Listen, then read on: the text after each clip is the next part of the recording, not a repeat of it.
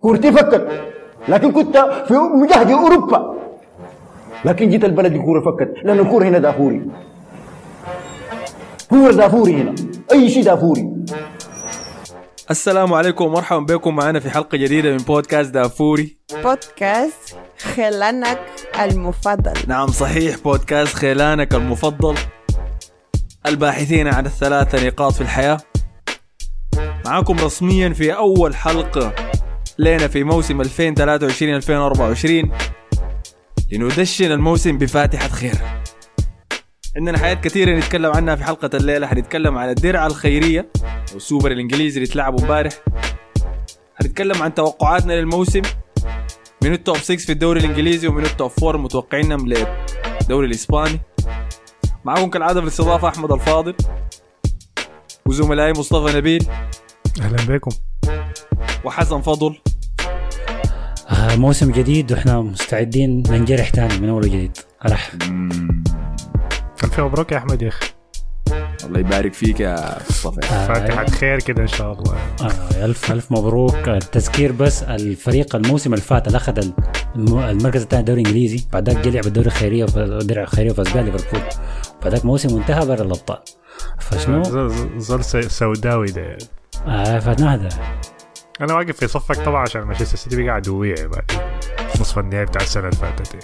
آه بعد الكرفسة دي آي. يا والله مرحبا بك يا أخي. أنا وأنا من ناحيتي يعني ده أول موسم لي حيكون تشجيعي بس برشلونة. ما عندي شغله بميسي ولا عندي شغله بجوارديولا خلاص الثلاثية وجابها جوارديولا وميسي كأس العالم جابه. أنت كنت داير عندي. يجيب السداسية طيب؟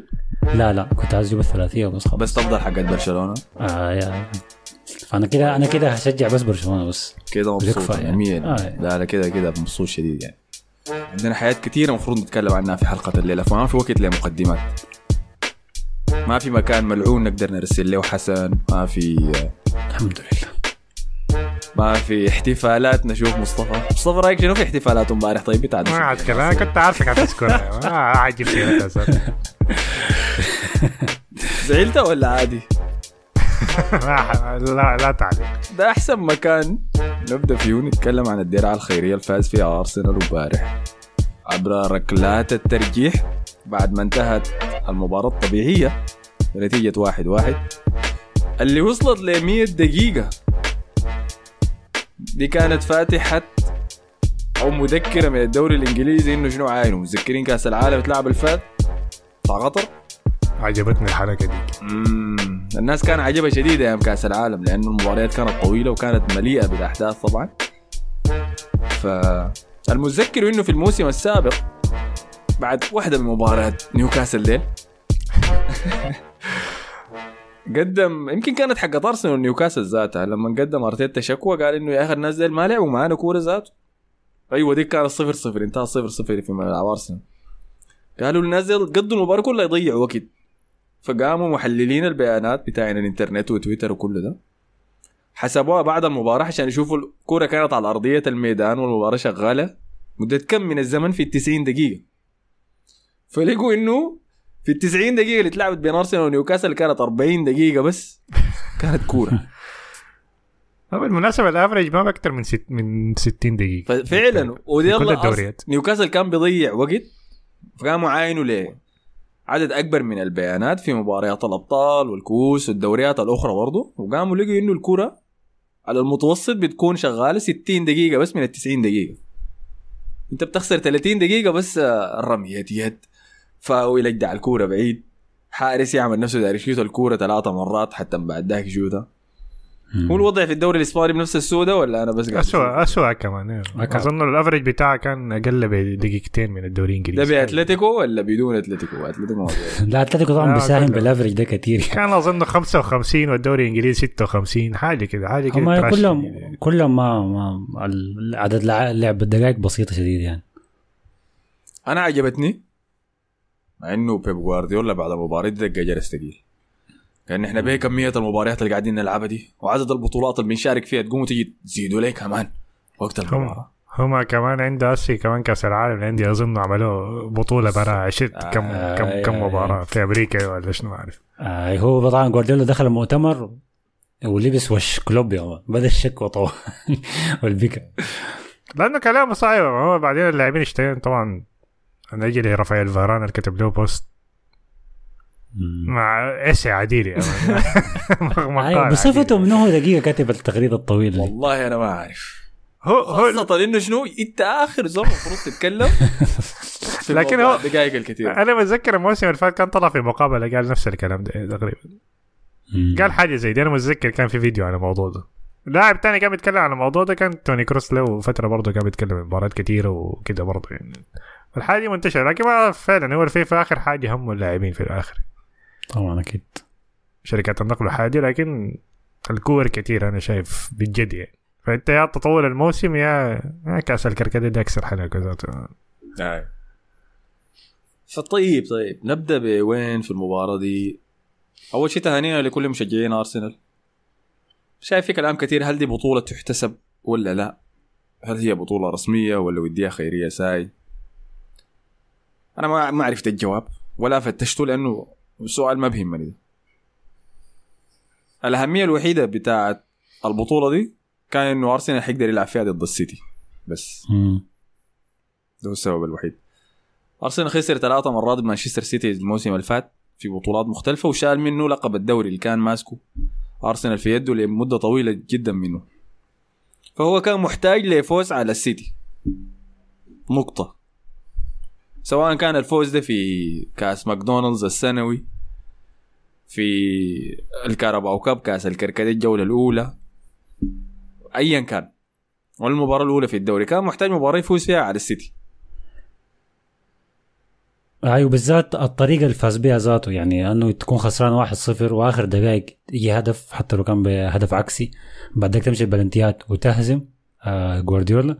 دي معنويا تاثيرها أكبر من أنه الكاس شكله صينية ولا اسمه الدرع الخيري ولا ملعوب ملعوب وين؟ ما دي, دي أعتقد الفوز معنوي كبير شديد لأرتيتا واللعيبة. وتاني شيء إنه ده ويمبلي. أرسنال في ويمبلي إحنا عارفين إنه أصلا ما بنلعب فيها دي أنا أنت عارف مع سوء أرسنال في الفترات الطويلة اللي فاتت دي.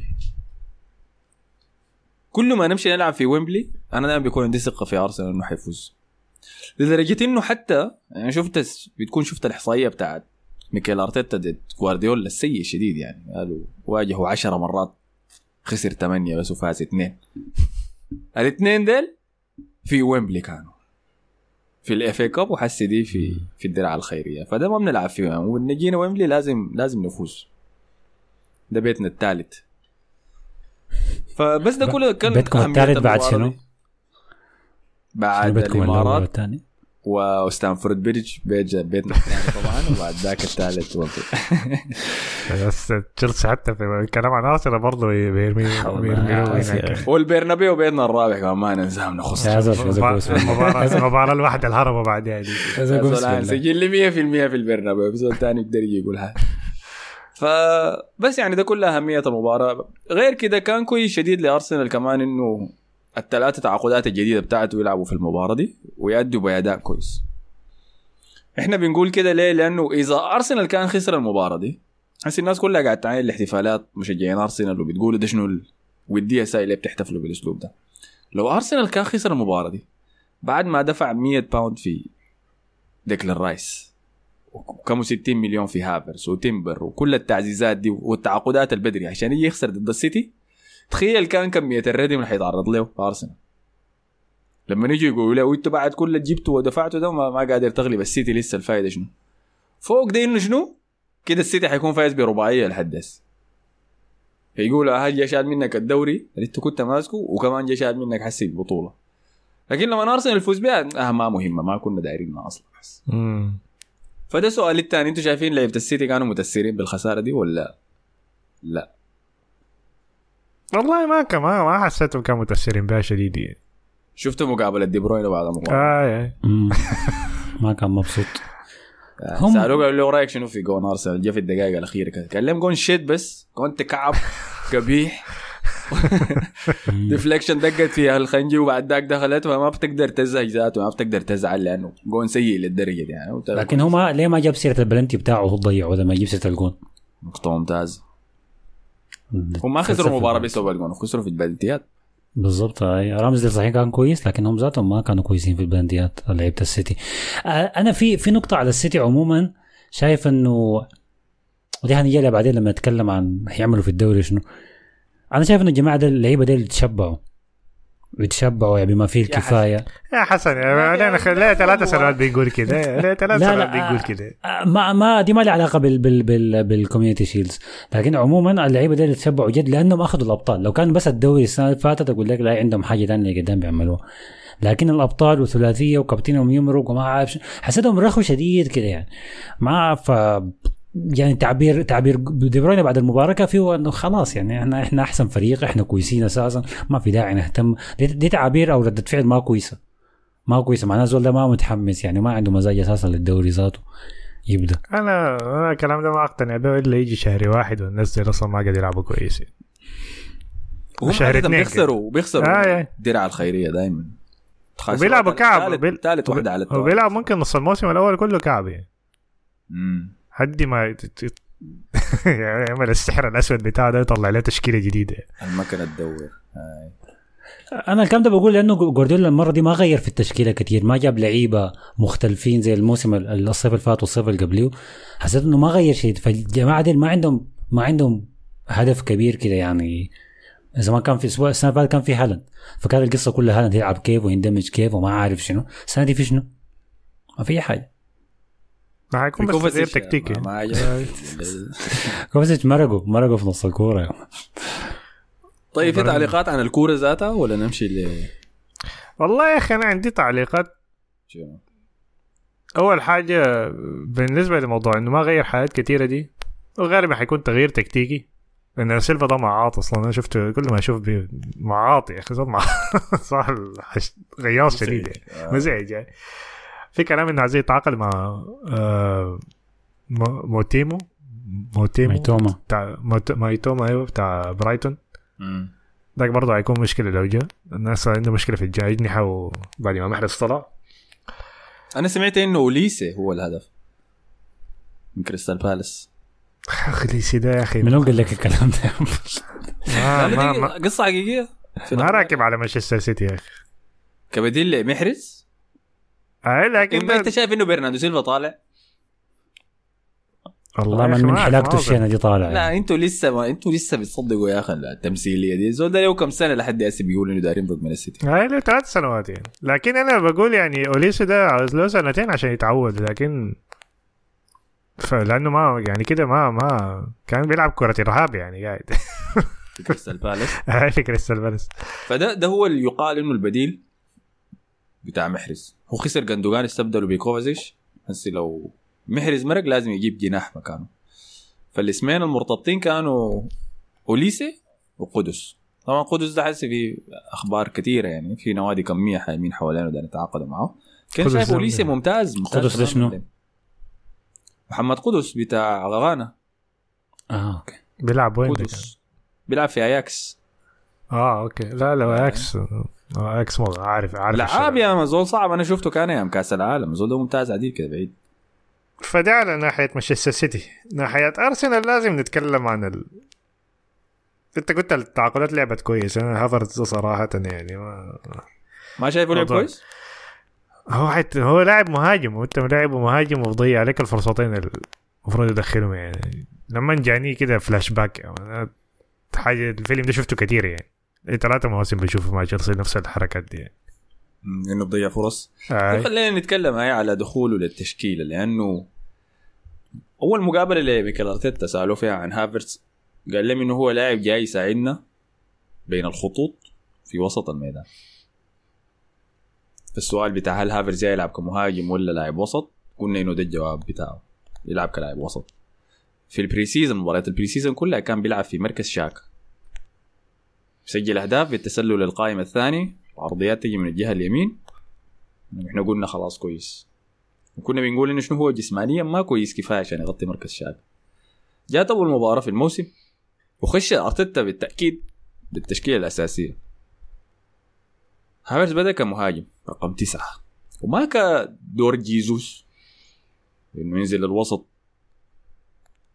كان لا كان لاعب كرقم تسعة راس حربة تقليدي. ماسك يتدافر مع دياز.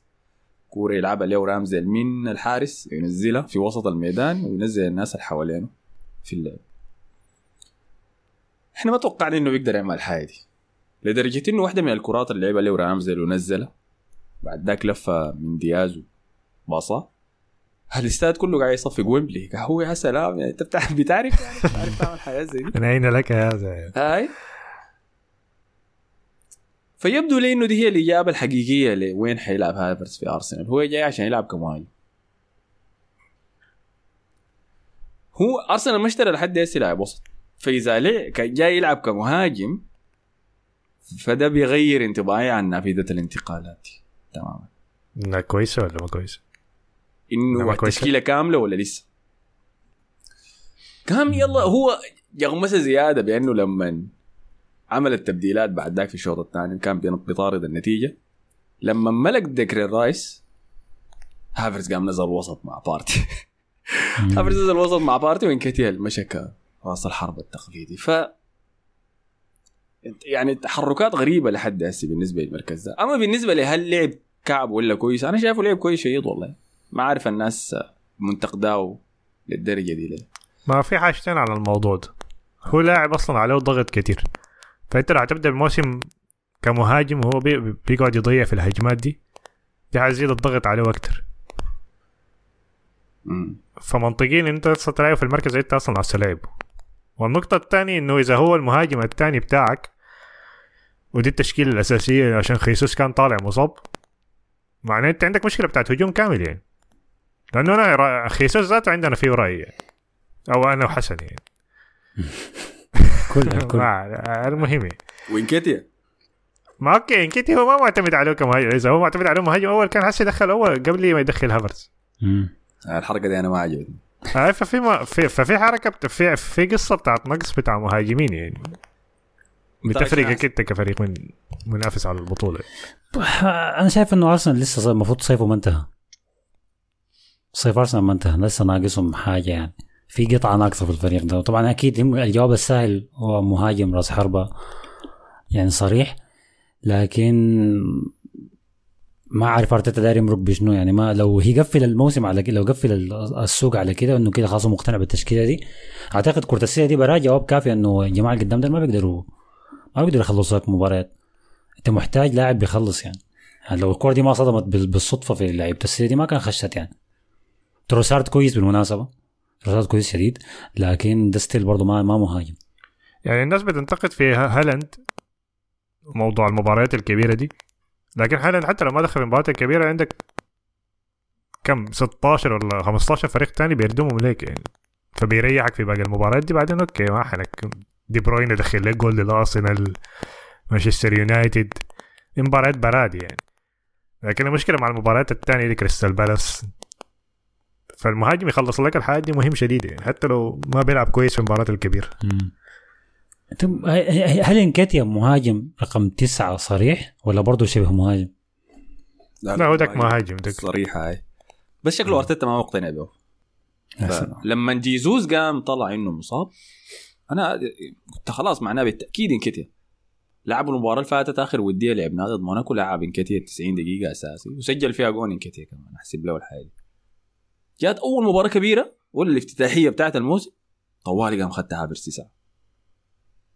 فحاجة أنا أنا شايفه ما كويسه ما- في حق في حق انكتيا ذات آه، لكن معناه هو ما داير يلعب بتسعة صريح الفكرة بتاعته كده معناه. ده في. راسه. دي النقطة ال- النهائية. إنه هو هدفه للفريق ده إنه ما يكون فيه رقم تسعة صريح. آه ولو جاطط يدخل إنكيتيا آخر دقائق ويلا يلا خش الصندوق واعمل لي حاجة. معناه ده اللي يمشي به ولا. يحول انكتيا لمهاجم وهمي برضه. آه دي تبقى مصيبة.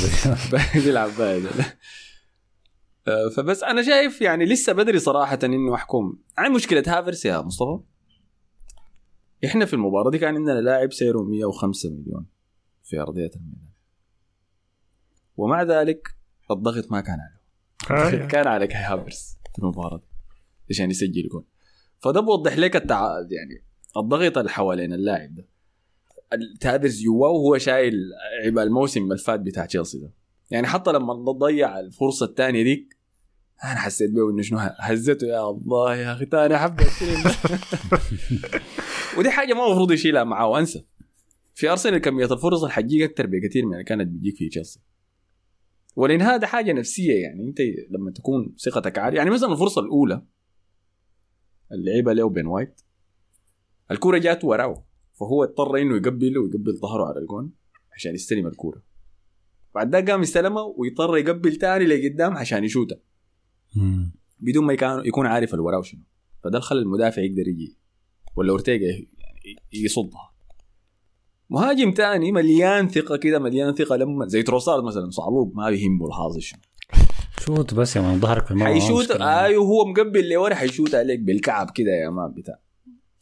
هافرتس لو كان شات الكورة دي بكعبه وهو مقبل ورا على الجون وضيعها كان ممكن الطالبان يا man يفجروا الاستاد من شدة يعني ثقل ال- الضغط عليه في الموضوع. أنت عارف ممكن يخفف عليه الضغط شنو أثناء الموسم هافرتس؟ أنه يجيب هدف في الستامفورد بريدج يا man قدام تشيلسي آخر دقائق. لا لا البريدج بيقى خلاص عادي الاهداف فيه. خلاص يجيب هدف برضه يا يجيب هو محتاج أنفيلد هاي محتاج حتة صعبة. زون جون كبير في فريق كبير في مباراة حاسمه آه دي ما أنا ما مشكلتي معاه كده. عشان كده كان دايما يعني أنا كنت مفتكره يعني. أنا كنت متوقع إنه موسمه يكون كويس يعني. لأنه أنا جاي له كان حيبدا في نص الملعب وبعد كده أنت في نص الملعب حتعمل شغلك. يعني الناس ما متوقع منك أجوال كتيره يعني. يعني أنت التسللات بتاعته في ضربات الراس ال- في القائم البعيد دي ممكن يدخلوا أربع جوال بعد كده ثقته حتزيد يعني بعدين ممكن في اللي قدام تلعبه مهاجم يعني. لكن ما من البداية ما تاخدت فيه وش النار طيب أنا لكن ما ما حنبني توقعات كثير يعني بما حكم إنه إيه مباراة ودية آه، في يعني. بدري طيب خلينا نمر على التعليقات على المباراة دي. جوستافو قال لنا عليكم الله رأيكم شنو في صفقات ارسنال الثلاثة ديل بالذات تيمبر؟ وروني تقييمكم من عشرة لكل صفقة. والله تمبر كان كويس أكتر واحد لاحظت له ديكلان رايس صراحة أنا عشان الشوط الثاني بدايته ما حضرته يعني فما كان ظاهر شديد يعني. يعني توماس بارتي لما يمسك الكورة كده بت- بتركز معه لأنه ما عارف حيعمل حيعمل حيعمل حيعمل مصيبة ولا حيطلع له بصمة جنون يعني. فما لاحظت له كتير يعني لكن تمبر كان كويس شديد. يعني تيمبر عجبني شديد. آه. أنا ما كنت قايله بالشراسة دي هو والصلابة الدفاعية دي. وفرق كبير طبعا من زينشينكو اللي هو لاعب ما نزعته الأولى هي الدفاع. تيمبر واضح إنه بيحب الدفاع داير يدافع. آه. أمسك انت الكورة أنا داير اشيلها. انت عارف لما ينزل الشراب بتاعه ده بتعرف إنه هاي هاي. لما الكورة جزمته اتقلعت وجلاه واصل يلعب في المباراة زول صعب يا صعب. يطرق شنو يا حسن والله أنا الصراحة ما شفت الكورة عشان أكذب عليك يعني ما أكذب عليك. فانا شفت ال... شفت الم... الملخص بس على السريع كده. أعتقد تمبر تعاقد كويس بالذات إنه العيون ما عليه لأنه العيون كلها زي ما إحنا بنتكلم على هافرتس وبعد هافرتس ديكلان رايس. بالضبط. ف... فدي حاجة بتخدمه. غير إنه كمان برضه في الدفاع هو ما المدافع رقم واحد صليبة المدافع رقم واحد. فبرضه دي بتخدمه. فبس عشان كده هو داير يثبت نفسه يمكن التدخلات واللعب القوي ده وإنه أنا راجل وأنا ما أعرف شنو طبعا الحاجات دي أنت بتحبها شديد. فداير يثبت نفسه يعني. فدي حاجة من مصلحة أرسنال شديد يعني.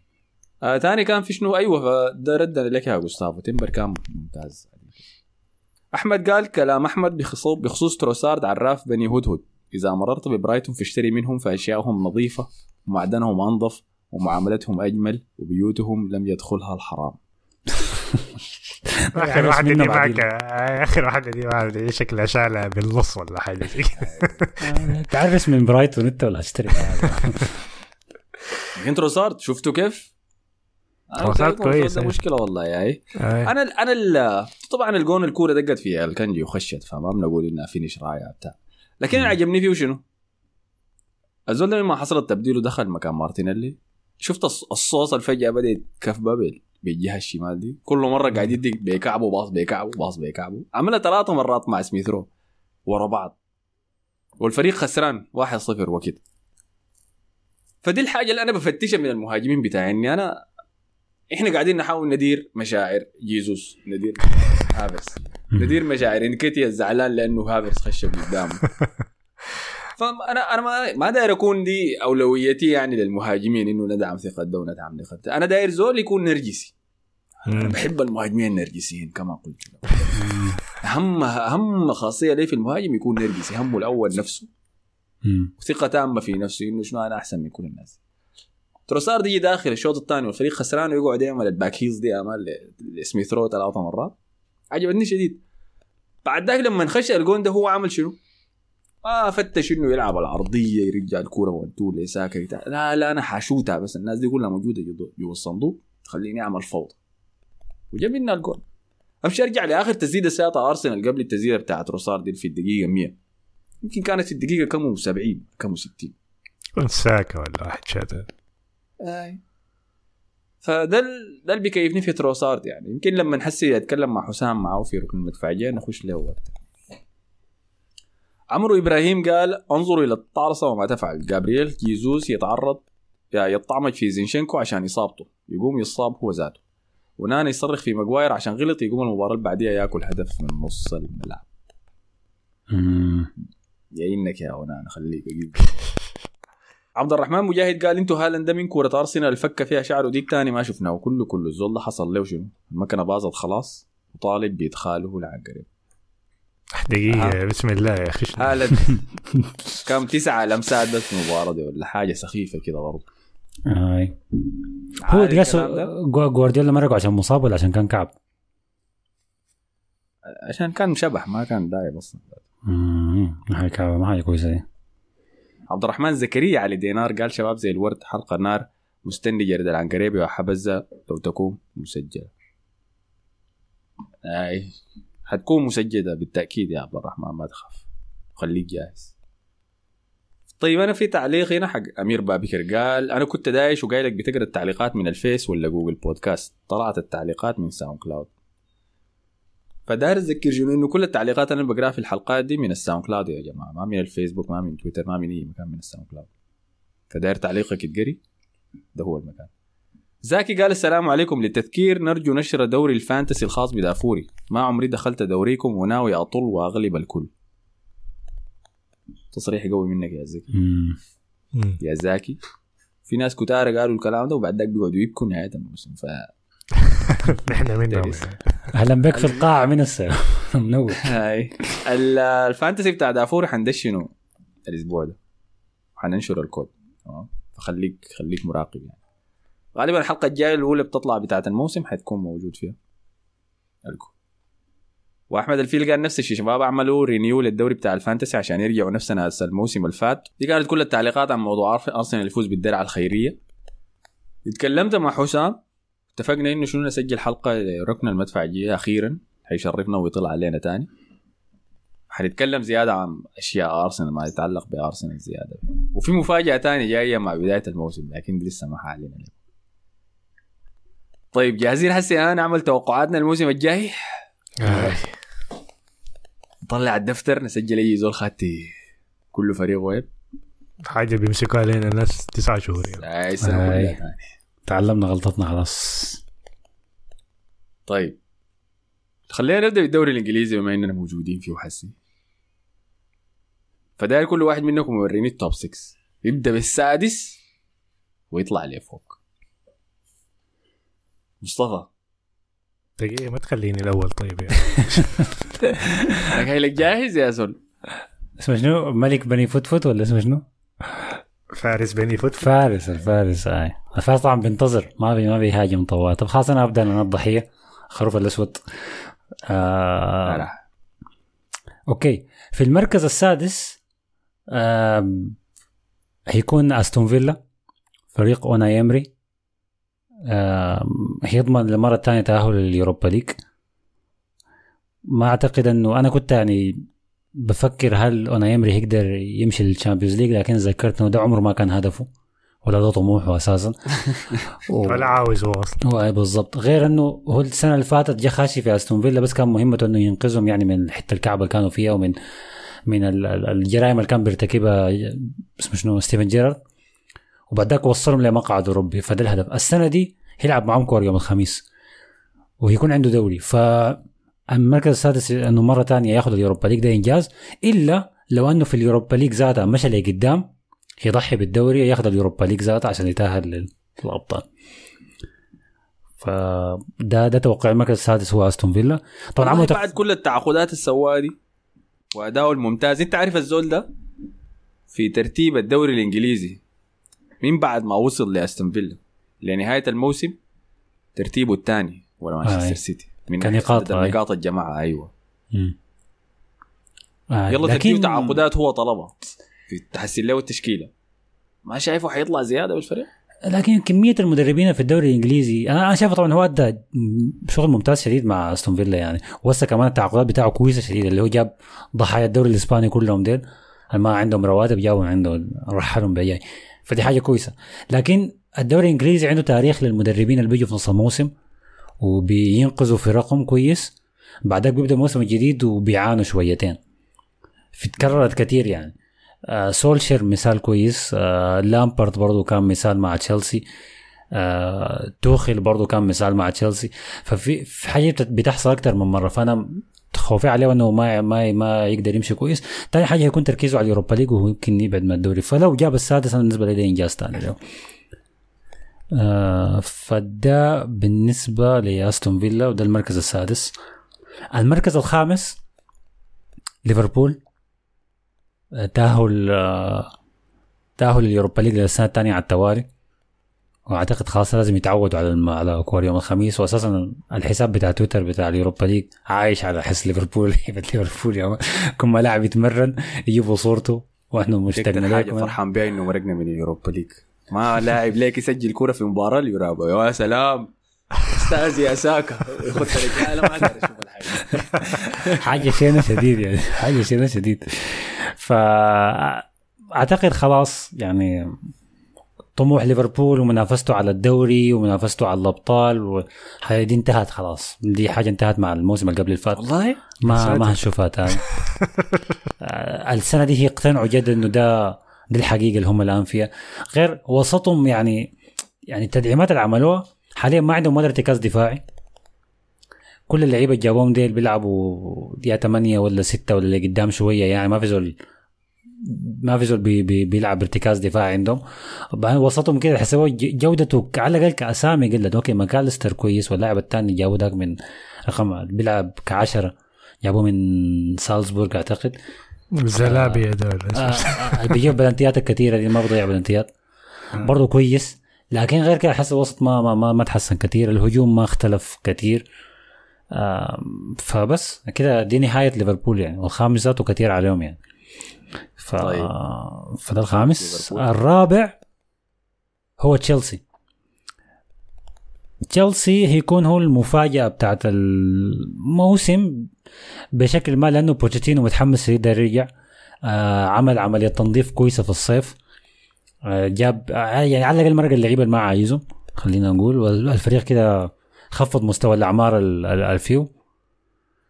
ويعني يمشي يمشي لقدام. الحاجة الميزة اللي عند تشيلسي اللي ما عند أي فريق من الفرق دي كلها انه ما عنده لا دوري أوروبي ولا عنده Champions League ولا عنده أي حاجة. فهو متفرغ للدوري الإنجليزي.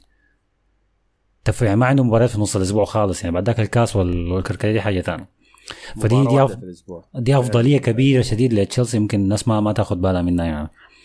فده في المركز الرابع. لو عندكم إضافة عليه ولا تعليق. والله يا باغ الثانية حسن صراحة دي لا- لائحة منطقية جدا بأسباب منطقية. ما توقعت الحياة دي منك يعني حقيقة. أنا عارف أنا بخيب الظن كل موسم الفريق اللي توقعته يشيل الدوري السنة دي مرقته عديلة من التوب 6 كله. لي خليه. يكمل يعني ممكن تكون الماسورة قاعدة فوق يعني. كمان في في فريق أنا خايف إنه يكون هو منحاز ضده فكده نشوف المركز. آه لا أنا ما عندي انحيازات قلت لك بديت الموسم ده أموري صافية كلها يعني. صفحة جديدة رجل مختلف أنت؟ آه لا لا ما رجل مختلف لكن توقعاتي بس تغيرت. المركز الثالث آه هيكون مانشستر يونايتد. أعتقد جماهير اليونايتد متحمسة وفاكرة أنه الموسم ده هيكون موسمهم يجيبوا الدوري لكن سنة ثانية تنهاج لسه دي سنة لسه لسه يعني دي دي, ما السنة ال- ال- اللي هيبرز فيها يونايتد شديد. هم السنة اللي فاتت كانوا كويسين لكن أنا شايف إنه صيفهم برضو ما كان مثالي. عملوا كم تعاقد كده كويس ميسون ماونت ده شكله ما اللاعب ال- اللي ينفعهم. شفنا فرصة ضياع الشينه ديك شينه شديد ضياع ديك. برونو فرنانديز ممكن يكون كويس برضه يمسك الكرة لقدام لكن اللي ورا يعمل مشاكل يمسك الكابتنية. كم ماجواي لسه ما تخلصوا منه. أونانا بدت مشاكله شوية شوية تظهر. فعنده شغل لسه كتير شديد تنهاج الموسم ده يعني مع الفريق بتاعه ده. وبغير إنه الحاجة الكبيرة اللي هم كانوا مستنين إنه الجليزرز يطلعوا ويجوا الم- الملاك الجدد ما حصلت. فدي عطلت عليهم أكثر من حاجة برضو. في كلام هسه إنه يونايتد يحاول يباغت يعني ويشتري نيمار. وأنا أعتقد لو اشترى نيمار هيطلعوا برا ال top four عديل فدي دي هتكون مأسورة كبيرة يعني. ما ما هم ما ما, ما مضطرين إنهم يخشوا يخشوا لاعب يشتروا برازيلي سفيان أمرابط يشتروا نيمار يا أخي. ما لعيبة برازيليين كفاية أنتوني أنت عندك ده. ما أنت ما محتاج مأسورة ثانية قدام فلكن شايف إنه المركز. الثالث يكون آه المركز الثالث بتاعهم. لأنه ما ما ما في فريق. يعني تشيلسي ده ما هيقدروا الثالث والفوق ده احسن منه. المركز الثاني نظرا لفقدان الشغف وعدم تجديد الدماء. لا لا يا. وخلاص ما معنا السنة دي. آه واصل ما ما أنا ما معاكم ما أنا ما معاكم خالص يعني. فالسنه المركز الثاني يكون لمانشستر سيتي. وهيكون كمان في منافسة بينه وبين مانشستر يونايتد على المركز الثالث. يعني هيكون في ما ما هياخدوا الثاني بسهولة يعني. يونايتد هيضغطهم لحد آخر الموسم عشان ياخدوا المركز الثاني. السيتي هياخدوا المركز الثاني. آه وهتكون دي خلاص برضو آخر موسم لجوارديولا. ما هيعرف ثاني يعمل شنو يعمل لا. حول. ولا وما هيجيب أي بطولة. شفت جوارديولا بينافس على مركز في الدوري غير يا. أخي ده موسم السابع ولا الثامن. ده مسلسل عديل يا من. كفاية كفاية يا أخي. أنا عندي تخطيط لقدام بس يعني الفكرة. داير داير ما يطلع ياخذ بطولة عشان يمرق ترجع يعني. برشلونة آه بالضبط آه. خلاص بعت حبيبك شافي بالسرعة دي لا لا ما ما ما ما بعته لكن ممكن يكون مساعده يعني ممكن يبقى المساعد طب ده من شافي حسن ده منه على عباد ال- يقول لك يا مان أنا خلاص كسرت حنك الزولة دي خلاص آه. حبدا مع زولة جديدة حياة جديدة وبتاع الناس كلها تكون ما مصدقة آه. وفعلا يمشي يرتبط مع واحدة جديدة ويعرسها عليه كده الله حظ تقوم القديمة ديك تيجي راجع للصورة؟ آه نجلد. يا عرسها عديل يا تدفع؟ شوف هو لو القديمة جوارديولا والله رجع عليها مرة واثنين وعشرة. يعني. ده بس ده, ده قانون بينكسر عشانه يعني. فده المركز الثاني. اذا بالشكل ده آه الفائز بالدوري الإنجليزي لموسم 2023 2024 هو أرسنال. هارد لك يا أحمد يا أخي. ليه يا أخي أنت ليه متشائمين بتوقعي ده؟ ليه ما شايفين انه أنا شايف إنه خلاص أرتيتا وصل للبيك بتاعه وصل للقمة بتاعته. رغم إنه ما عنده مهاجم لكن ده الموسم اللي هيجيب فيه الدوري لأنه المنافسين ما بالقوه ديك فده موسم أرسنال. ليه ده الكلام اللي بيتقال دائما لما يخطوا أرسنال كمرشح للدوري؟ إنه المنافسين ما بالقوه لأنه الأرسنال ما جاب ال- ال- القطعة الناقصة في التشكيلة بتاعته دي. لو جاب اللاعب رقم تسعة كان أقول لك أرسنال هو لأنه هو أحسن فريق في الدوري. هو بيلعب كره كويسة لكن ما بينهي. ما هو المشكلة يا أحمد إنه حتى مانشستر سيتي لما يكون سيء هيديك 85 نقطة minimum يعني. لما يكون كعب يعني. لكن بيكون عندهم دافع يا مصطفى. بيكون عندهم دافع. فمرات السو... فمرات السؤال بيكون هل أرسنال حيكون زي ليفربول؟ اللي كان بينافس السيتي؟ الفريق اللي بيجيب 95 100 نقطة ذاك ولا لا. فأنا ما أعرف لو ما أظن إنه أرسنال ده صراحة بنفس المستوى بتاع ليفربول ذاك من الناحية الهجومية يعني لكن نشوف يعني هي ال- هي القصة طيب. القصة القصة بتاعت ارتيتا هي القصة الجميله لو اكتملت كده خلاص تبقى يعني عمل ال- الحبكه المثاليه انت جاي تتم علينا انت انت جاي تتم جمال الناقص نجي اخر الموسم نتكلم في الموضوع ده ان شاء الله طيب داري أقول لك شنو؟ نيوكاسل ما شايفهم في ال top 6 ذاته انت متى حتبطل حركاتك دي؟ هاي هتبطل. حركاتك دي وين؟ يعني لا لا نيوكاسل خلاص. أساسا دخوله لل Champions League يتبهدل في ال Champions League ياخذ مركز ثالث يخش ال Europa League يتبهدل زيادة هناك.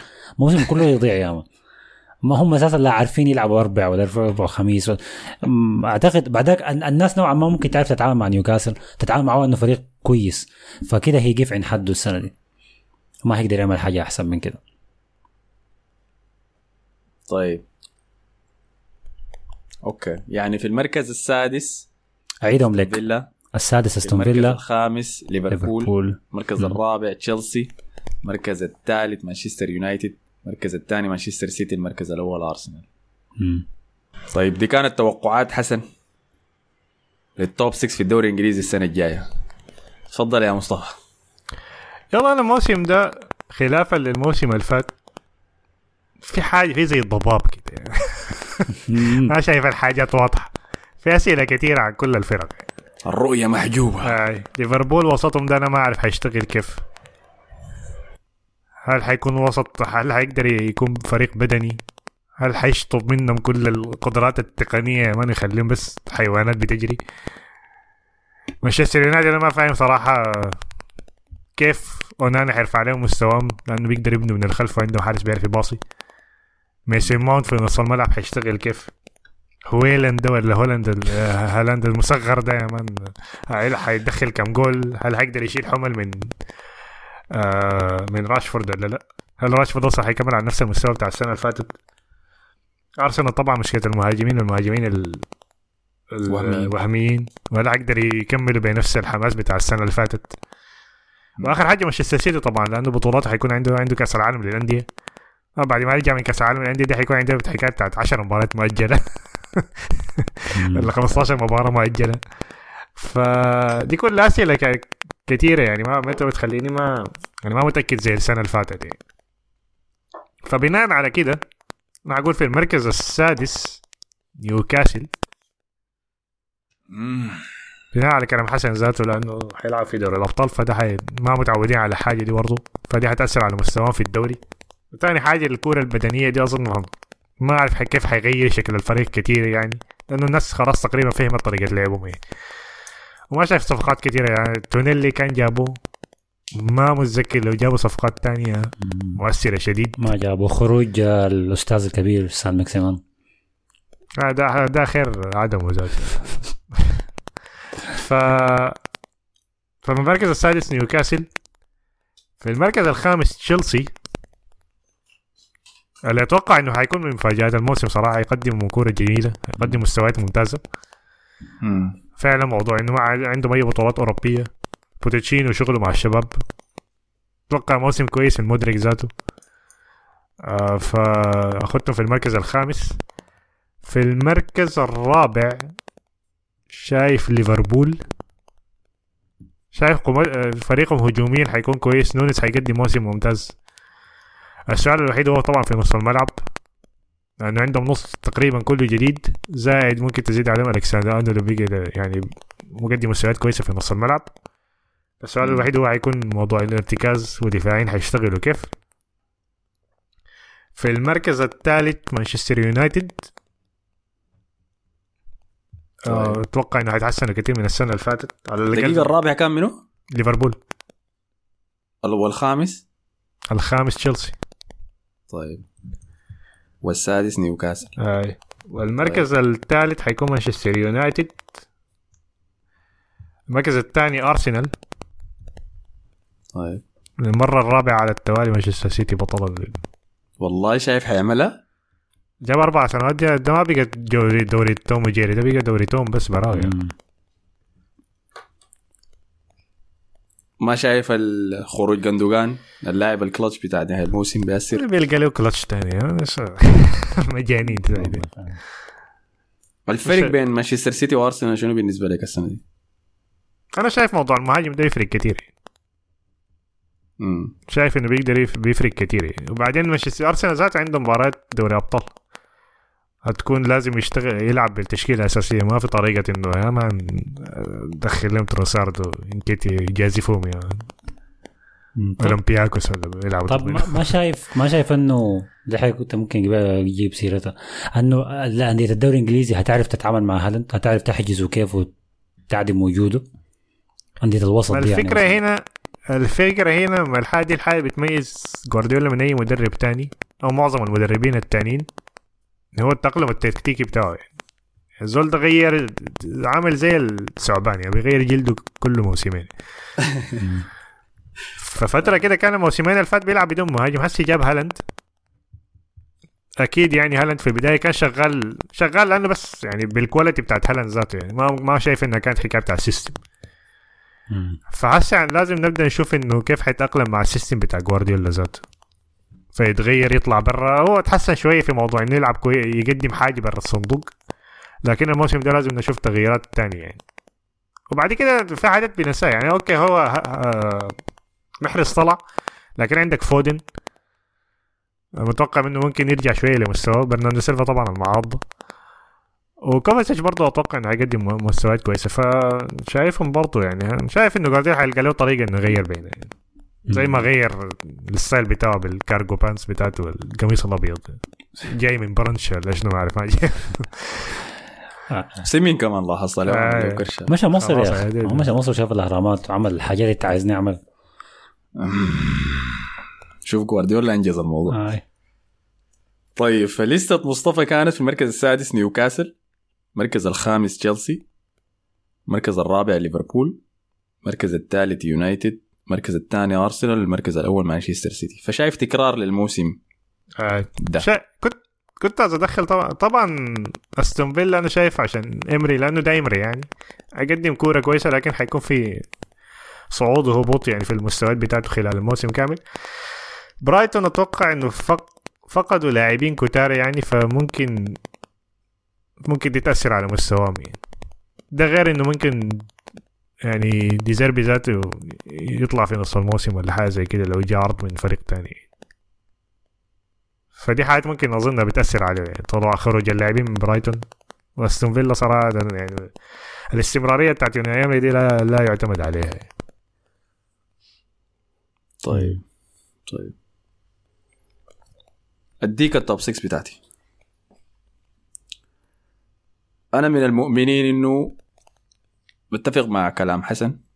نيوكاسل السنة دي ما حيكون موجود في ال top 6 ذاته. وخارج البطولات الأوروبية. ناس بتنسى إنه الموسم اللي فات كانوا بيلعبوا مباراة واحدة في الأسبوع بدون أي بطولة أخرى. فقام من ولا مباراة في الأسبوع لل Champions League طوالي دوري أبطال أوروبا.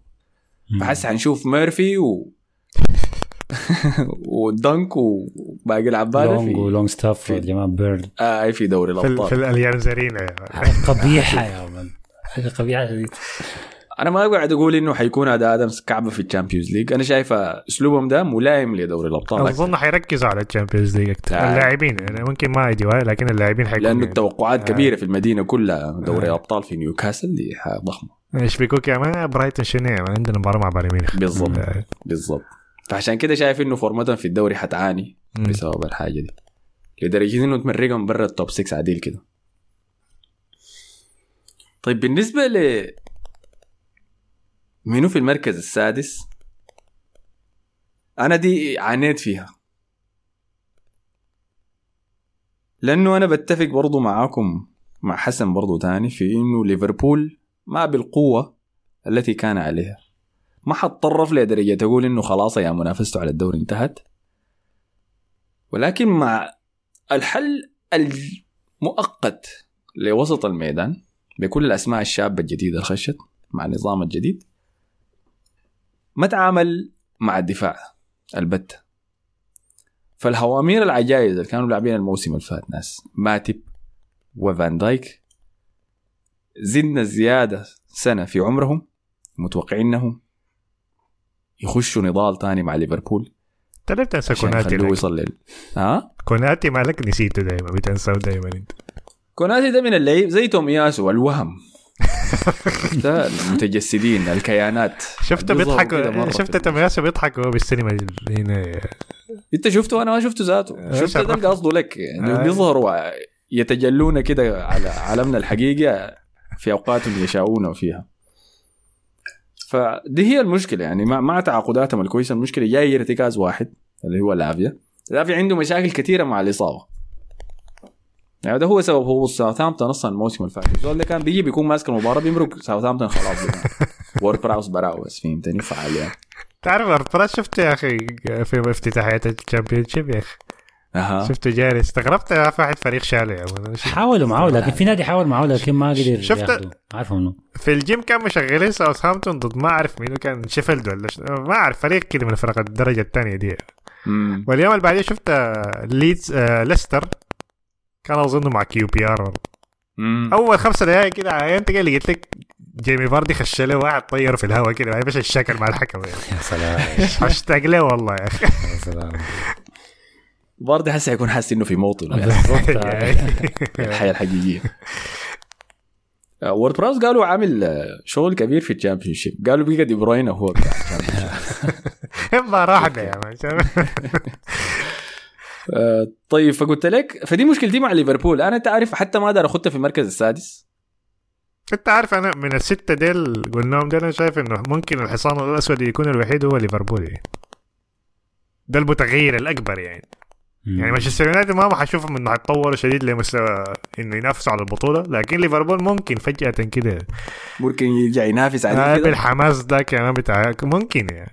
لا لا يا مصطفى انت بقول لك احتمالية بس لكن ما متوقع. أنا خطيتهم الرابع لكن لو ق... لو سألتني مانشستر ولا ليفربول من ممكن ينافس فيهم؟ أقول لك ليفربول. يعني. بناء على قوه هجومية بس. يعني يا الله أنا في الجهة الثانية تماما. أنا شايفهم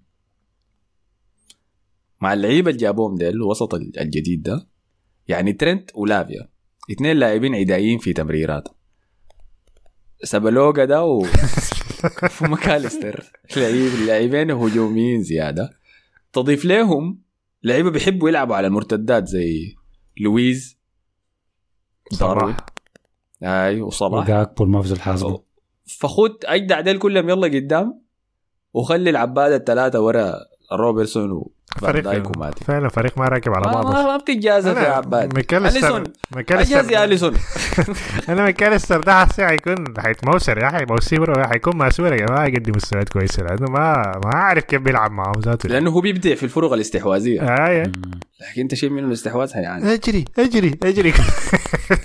مش بك أجري أجري إيش مبارك مرض نص ساعة جارين أنتوا اللي بتاعنا أجري يا أجري اجري يا أخي ف أنا شايف ليفربول برضه ما حيخلص في ال top 6 شايف في المركز okay. السادس توتنهام. لا يا أخي. أي. شايف بوستي مدرب ممتاز. آه قاعدين يلعبوا كورة كويسة لحد هسه بالرغم من السحابة الموجودة فوق الاستاد اللي هي خروج هاري كين. قاعد يتفاوض مع بايرن ميونخ. يجيها هسه قالوا هي واحد من الانديه السعودية خش معهم أي دايرين يجيبوا برضه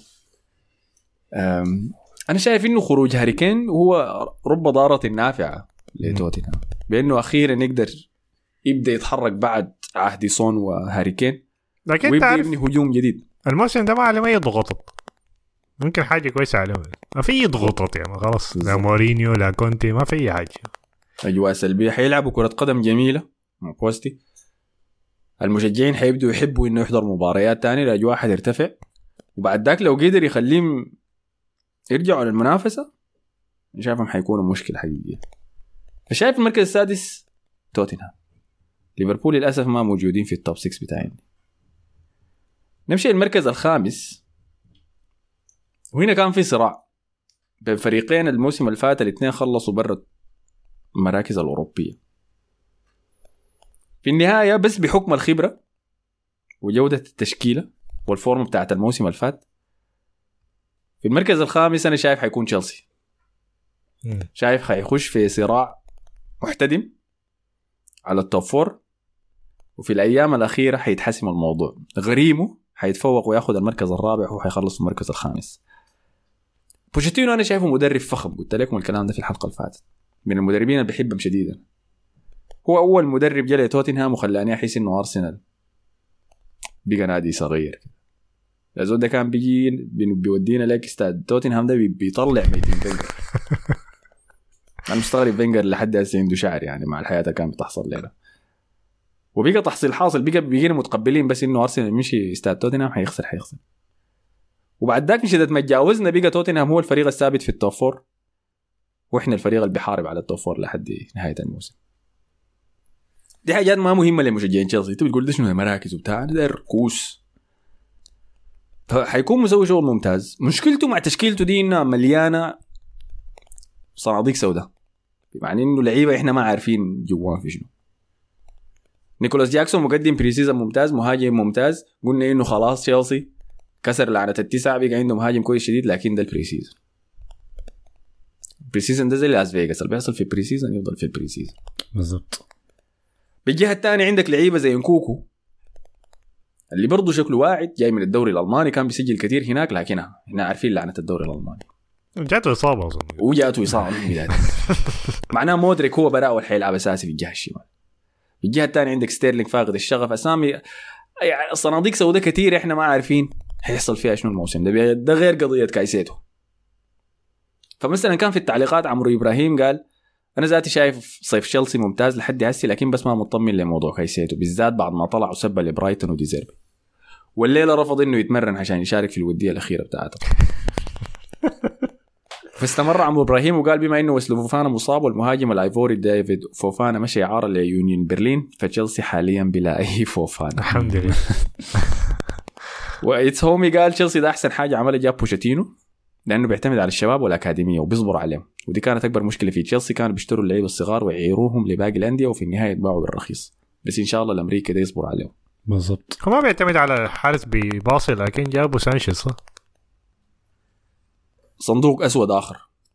أنا دي دي في صفقتين على وشك انهم يبقوا ثلاثة ما عاجبني في تشيلسي. شايف كل شيء سواه بإخراج اللعيبة القدام بدون الجداد ديل حياة ممتازة صفقات ممتازة. ولكن إنك تتعاقد مع سانشيز من برايتون ب 25 مليون عشان تخليه منافسة مع كيبا أنا شايفك ما عملت أي شيء في مركز الحراسة. أنا شايف سانشيز ونسخه بس من كيبا بس نسخة أطول. سانشيز برضه بيتغلب من برا الصندوق سانشيز بيوقع الكورة. سانشيز ما بيقدر يمسك العرضيات. عنده نفس المشاكل الموجودة بتاعت كيبا فده ده الانتقال. ما عجبني تاني ما عجبني المدافع الثاني اللي جابوه من موناكو ده. عشان كده خلاص تموا كده. كل الدفاع يا man بقى فرنسي. حسيت إنه صفقات قاعد تخلي تشيلسي في نفس المستوى ما قاعد ترفع الجودة.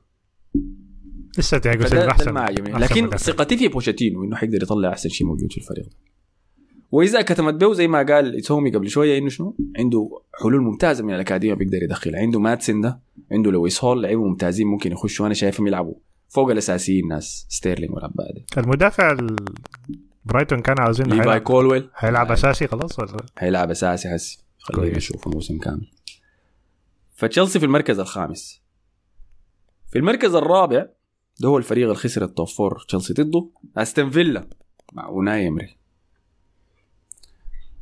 أنا شايف أوناي إمري ال Europa League حتكون مشكلة له لأنه حيكون داير يفوز بها طبعا ده كاسه ما حيرضى باي شيء أقل من ذلك. التعاقدات السواء ممتازة form ة الفريق ممتازة. كل السؤال بس الصندوق الأسود الوحيد في أستون فيلا إحنا ما عارفين حيصل فيه شنو هو أولي واتكنز. إذا أولي واتكنز سجل استمر على ال form اللي قدمها الموسم اللي فات أنا شايف أستون فيلا ممكن يطلع زيادة فوق الرابع ذاته. فثقتي تامة في أوناي إمري إنه حيخلص في ال top four الموسم ده. في المركز الثالث شايف مانشستر سيتي اللي ما حيكون منافس على الدوري ذاته السنة دي. تمام بسبب شنو طيب؟ هل نفس الأسباب اللي أنا قلتها ولا أسباب مختلفة؟ أنا شايف محرز وغندوغان. ده اللي هم أكبر حاجة. يعني غندوغان نهاية الموسم زي ما قال قبل في التعليقات عبد الرحمن قال إنه هالاند بعد ما نزل شعره في مباراة أرسنال ديك تاني ما شفناه ذاته. فعلا ده حصل نهاية الموسم دي بروينا وهالاند ما كانوا قاعدين يسووا حاجة. يقال إنه دي بروينا كان شايل إصابة في نهاية الموسم فده سببه. بينما هالاند ما عارف الحصل شنو. شكله للحظة اللي انقطع فيها الإمداد بتاع دي بروينا لهالاند هالاند ما بيصر يعني أنا قاعد أتذكر اللحظات الحاسمة لهم نهاية الموسم اللي فات التعادل في برايتون مثلا تسديدة من برا الصندوق من الفارس آه، المباريات الحاسمة دي كلها في نهاية الموسم غاندوغان يسجل double kick في إيفرتون. ما double kick ذاته الحاله الغريبه اللي سواها دي ومحرز متذكر في الموسم القبالة كان برضه لاعب كلتش. جاء نهاية الموسم سجل أهداف خاصة في ال Champions League وفي في الدوري. فالشخصيات القيادية دي لما تخسرها بتأثر على غرفة تغيير الملابس. شايف مانشستر سيتي حيقع سبب الوقوع ده حيكونوا إصابتين بالتحديد غير الشخصيات القيادية. الأولى دي بروينا كالعادة. والثانيه هالاند ذاته. واحدة من المعاجز معاجز معجزات. من المعجزات. أي. واحدة من المعجزات اللي قدر يسويها مانشستر سيتي السنة اللي فاتت كان إنه هالاند قدر يفضل أغلبية الموسم 90% منه بدون إصابة. ودي ما حاجة حصلت في مسيرة هالاند كلها. مما دخل دوري أبطال أوروبا. الموسم ده شايفه صعب تتكرر. البرق لا يضرب في نفس المكان مرتين ورا بعض. ومع اصابته دخول ألفاريس أساسي صندوق أسود. في ناس شايفاه بالجودة الكفاية أنا ما شايفه. أخذ عنده تناغم كفاية مع الفريق حنشوف. المركز الثالث مانشستر سيتي. المركز الثاني الفريق اللي حينافس أرسنال على الدوري. لنصه ويمكن أكثر هو مانشستر يونايتد. مانشستر يونايتد من الفرق المخادعة شديد. يعني قبل مصطفى قال إنه هو شايف ليفربول أقرب من مانشستر يونايتد على المنافسه على الدوري. أنا لما عايل سجل مانشستر يونايتد في أولد ترافورد بشوف فريق فعلا المفروض ينافس على الدوري. بكمية الأهداف القليلة شديدة اللي بيطلقها في ملعبه وعدد الأهداف اللي بيسجلها. لو طلعنا المباريات ال- اللي تردم فيها ردم ثقيله السبعات والستات والحاجات دي برا ملعبه لو مرقتها من سجل مانشستر يونايتد حتلقاه منهم فريق ممتاز جدا دفاعيا. لا بأس به هجوميا. إحنا عارفين متفهمين بسبب فيك هورس وأنتوني والمشاكل بتاعت الفورمة بداية الموسم. فريق كان المفروض ينافس على الدوري حقيقة. الوقت الوحيد اللي عانى فيه مانشستر يونايتد وقعت فورمته. وخرجته من سباق الدوري الخشاء وكان لأسابيع كده السنة اللي فاتت. كان إنه بعد كأس العالم كانوا بيلعبوا مباراة كل يومين ولا كل ثلاثة أيام. يوروبا ليج كأس الكركديه في كب الدوري. فقام أثقلتهم شديد وبعد ذاك ما قدروا يستمروا على الريتم ده يعني. ده غير فران اللي بيلعب 12 مباراة خلي فرن في حاله. وكاسميرو بياخذ كرت أحمر وكروت صفراء كتير. فتعاقداتهم حسي ممتازه الحاجة الوحيدة ال- ال- يعني أنا بقول إنهم حينافسوا أرسنال. وريتكم كده المركز الأول لكن قلت حينافسوا أرسنال قريب ال 50% من الموسم وبعد ذاك حيقعوا السقوط ده يعتمد على قدوم بديل لكاسميرو نعم ولا لا. إذا سفيان رابط جاء أنا شايف كده ممكن نمشي لحد النهاية. بعد ذاك الفيصل حيكون حاجة واحدة بس اللي هو عدد الأهداف اللي بيقدر يسجلها مانشستر يونايتد. مانشستر يونايتد الموسم اللي فات سجل 58 هدف فقط. ده رقم محرج عديل كده. راشفورد دخل مشكلة منك. حقيقية في الاهداف راشفورد دخل منك. 50 هدف. أنا بتكلم عن في الدوري الإنجليزي. فعنده مشكلة حقيقية في الأهداف. مشكلتها كانت عدم وجود مهاجم. مشكلة رونالدو بداية الموسم وبعد ذاك مارشال ما قدروا يعتمدوا عليه واضطروا يجيبوا فيخهورست مهاجم من بيرنلي اعاره عشان يلعب كمهاجم دفاعي. ده انت ذاتك يا يفسح المساحة ل... لراشفورد أنتوني كان أول موسم له في الدوري الإنجليزي. فعوامل كثيرة كانت ناقصة لفريق تنهاك أنا شايف النافذة العمله دي هي كويسة شديد. عنده صناديق سوداء في هويلاند مثلا. أنا بعرف ميسون ماونت. بعرف الجودة بتاعته. بتعرف نص الملعب لكن كلاعب ثمانية عارف ال- الأداء المتوسط بتاعه شنو؟ وعارفه لاعب بيقدر يستحمل يلعب 60 مباراة في الموسم. ده من لعيبة نادي ال 60 ده اللعيبة اللي أنا بحبه اريكسن ما بيقدر يديك الحاجة دي. فشايف مانشستر يونايتد حيكون منافس قوي على على الدوري. وما تستخفوا من المباراة الأولى بين أرسنال ومانشستر يونايتد في الإمارات. أظن حيكون الأسبوع الرابع. حيكون عندها كلام كثير يعني فيصل في سباق الدوري ده. فده المركز الثاني. المركز الأول شايف أرسنال حيفوز بالدوري. قاعد أقول الكلام ده من بداية شهر سبعة؟ آه كده وراء الستارة كده في اماكن سريه أمثال كده أول قاعد- أول مرة أسمع الكلام ده. قلتها في ال space الأخير اللي سويته ذاك ضغطوني هو في ال space ذاك يا ما نقول حيخلص في المركز الكم حسيت إني مواجه برشلونة 2011 يا man يا ما نجاوب يا ما نفسي حيكون. ما قدرت أمر من الضغط. اضطريت أصرح. لكن مقتنع تماما إنه أرسنال حيفوز بالدوري. شايف كلام حسن جبال صحيح إنه مشكلة أرتيتا إنه كل سنة بيتفوق التوقعات اللي عليه يعني السنة اللي بتكون الناس متوقعة فيه إنه وقع عديد كده يعني زي, زي بعد الموسم الكارثي بتاع الكورونا ذاك. قالوا يا مان خلاص ارسنال خلاص مركز الثامن الموسم اللي بعديه حيقع تحت زيادة. الصيف اللي بعديه مشى نظف الفريق جاب لعيبة شفع كلهم خلص المركز الثامن الموسم اللي بعديه كان مفروض جاب رامزديل جاب بين وايت ما عارف جاب يوقع مع اوديجارد بشكل دائم. إحنا قلنا يا man ده معناه كسر حنك ال top four ده يبني الفريق من الصفر. مشى نافس على ال top four الموسم اللي بعديها قالوا الموسم ده ارسنال لازم يجيبوا ال top four مشى ينافس على الدوري. خلص المركز الثاني. مسك الدوري قبل 200 كم و50 يوم. حتى خسروا في النهاية لمانشستر سيتي مشى فاز بالثلاثية. شايف الموسم ده أرسنال حيفوز بالدوري وحيفوز به الدوري بدري لدرجة إنه شنو؟ ما حتكون محادثة ذاته. ده معناه يعني زي العمل ليفربول ذاك ما يخسر ولا مبا- مباراة واحدة بس يخسرها شهر أربعة ولا كان شنو؟ واتفورد ولا شنو؟ ده الشيء أنا شايفه حيحصل شايف إنه حيحسموا الدوري شهر اثنين كده. طيب. وبعد ذاك حتبدأ okay. الفعاليات يعني. كلام كويس. هل بتشوف آه، مشاركة أرسنال في الدوري أبطال أوروبا هتأثر على مسيرتهم في الدوري؟ بشكل سلبي يعني ولا بشكل إيجابي؟ أديك الجواب على السؤال ده. كان عندنا لاعبين اثنين مصابين في مباراة الدرع الخيرية دي. إذا كانوا يصابوا الموسم اللي فات يعني حظوظ أرسنال بالفوز بتكون قلة شديد. اللي هو زينشينكو وجابريل جيزوس ضد مانشستر سيتي.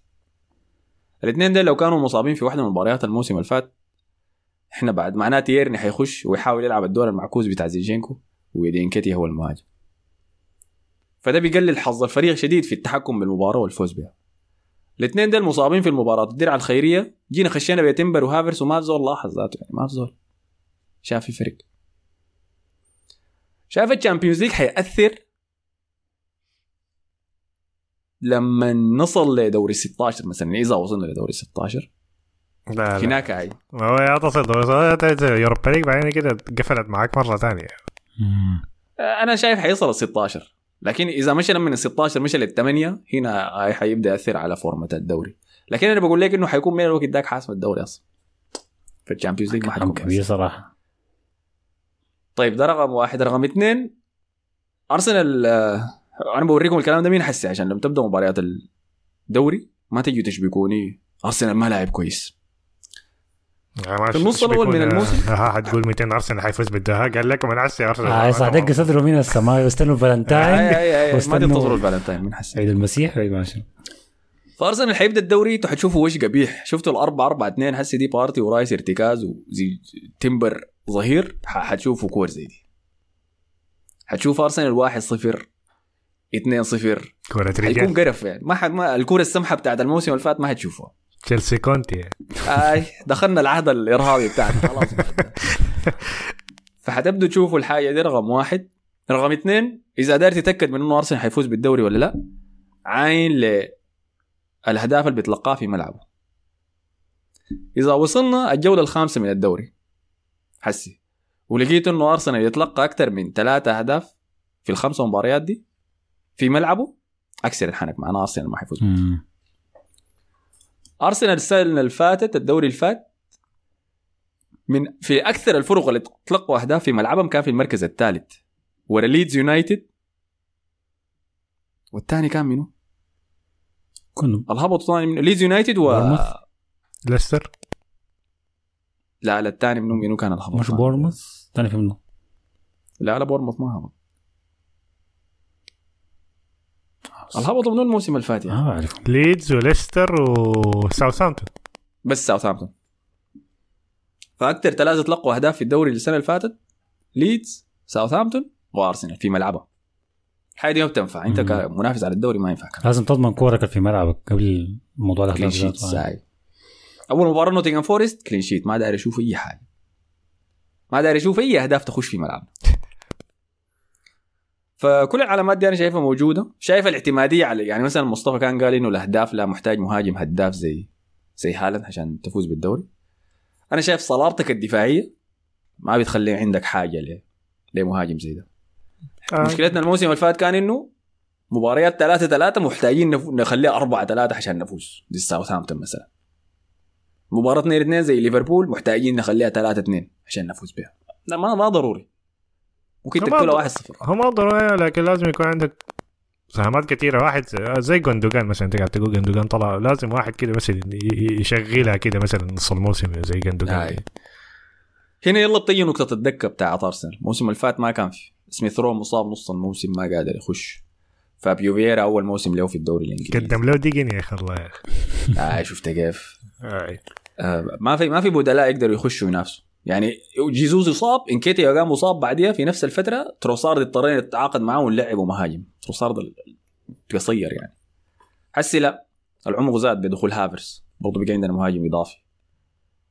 آه، كل اللعيبة اللي كانوا سميث رو وفييرا حسي موجودين. زينشينكو مصاب تمبر موجود يخش. تومياسو بقى احتياط ثالث بدل ما يكون احتياط ثاني.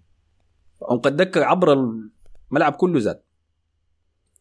فشايف إنه شنو وسط ديل كلهم سهل إنك تلقى لك جون واحد على الأقل جون واحد. وسط كل الوهميين ديل مم. فهمتني بغباغته نيلسون تلقى جون واحد. أي. فدي توقعاتي شايف إنه أرسنال حيفوز بالدوري في المركز الأول المركز الثاني منافس لأرسنال على الدوري مانشستر يونايتد المركز الثالث ولن ينافس على الدوري في الوقت الحسم يعني مانشستر سيتي المركز الرابع استون فيلا أهلا بك في ال Champions League المركز الخامس تشيلسي المركز السادس توتنهام ليفربول ونيوكاسل خارج ال top 6 آه، سيد دي, دي تاني سنة تقول إنه مانشستر سيتي ما حينافس على الدوري صح؟ السنة اللي فاتت قلت حينافس بس ليفربول حيفوز به. طيب على أساس كويس نشوف نهاية الموسم منو النحس أنا ولا انت ده صندوق أسود عندنا برضه ما حسبت حساب أنا نحستكم 200 كده طيب. أوكي أنا في حاجات خارجية. فريقين متوقع إنه يكون موسمهم كعب. ويست هام وولفز. وولفز تاني. ويست هام أظنه عملوا آه، إعلان يا man في حتة بتاعت انتقالات. عاوزين سبعة لاعبين ب 20 مليون كل واحد ولا شنو. جملة.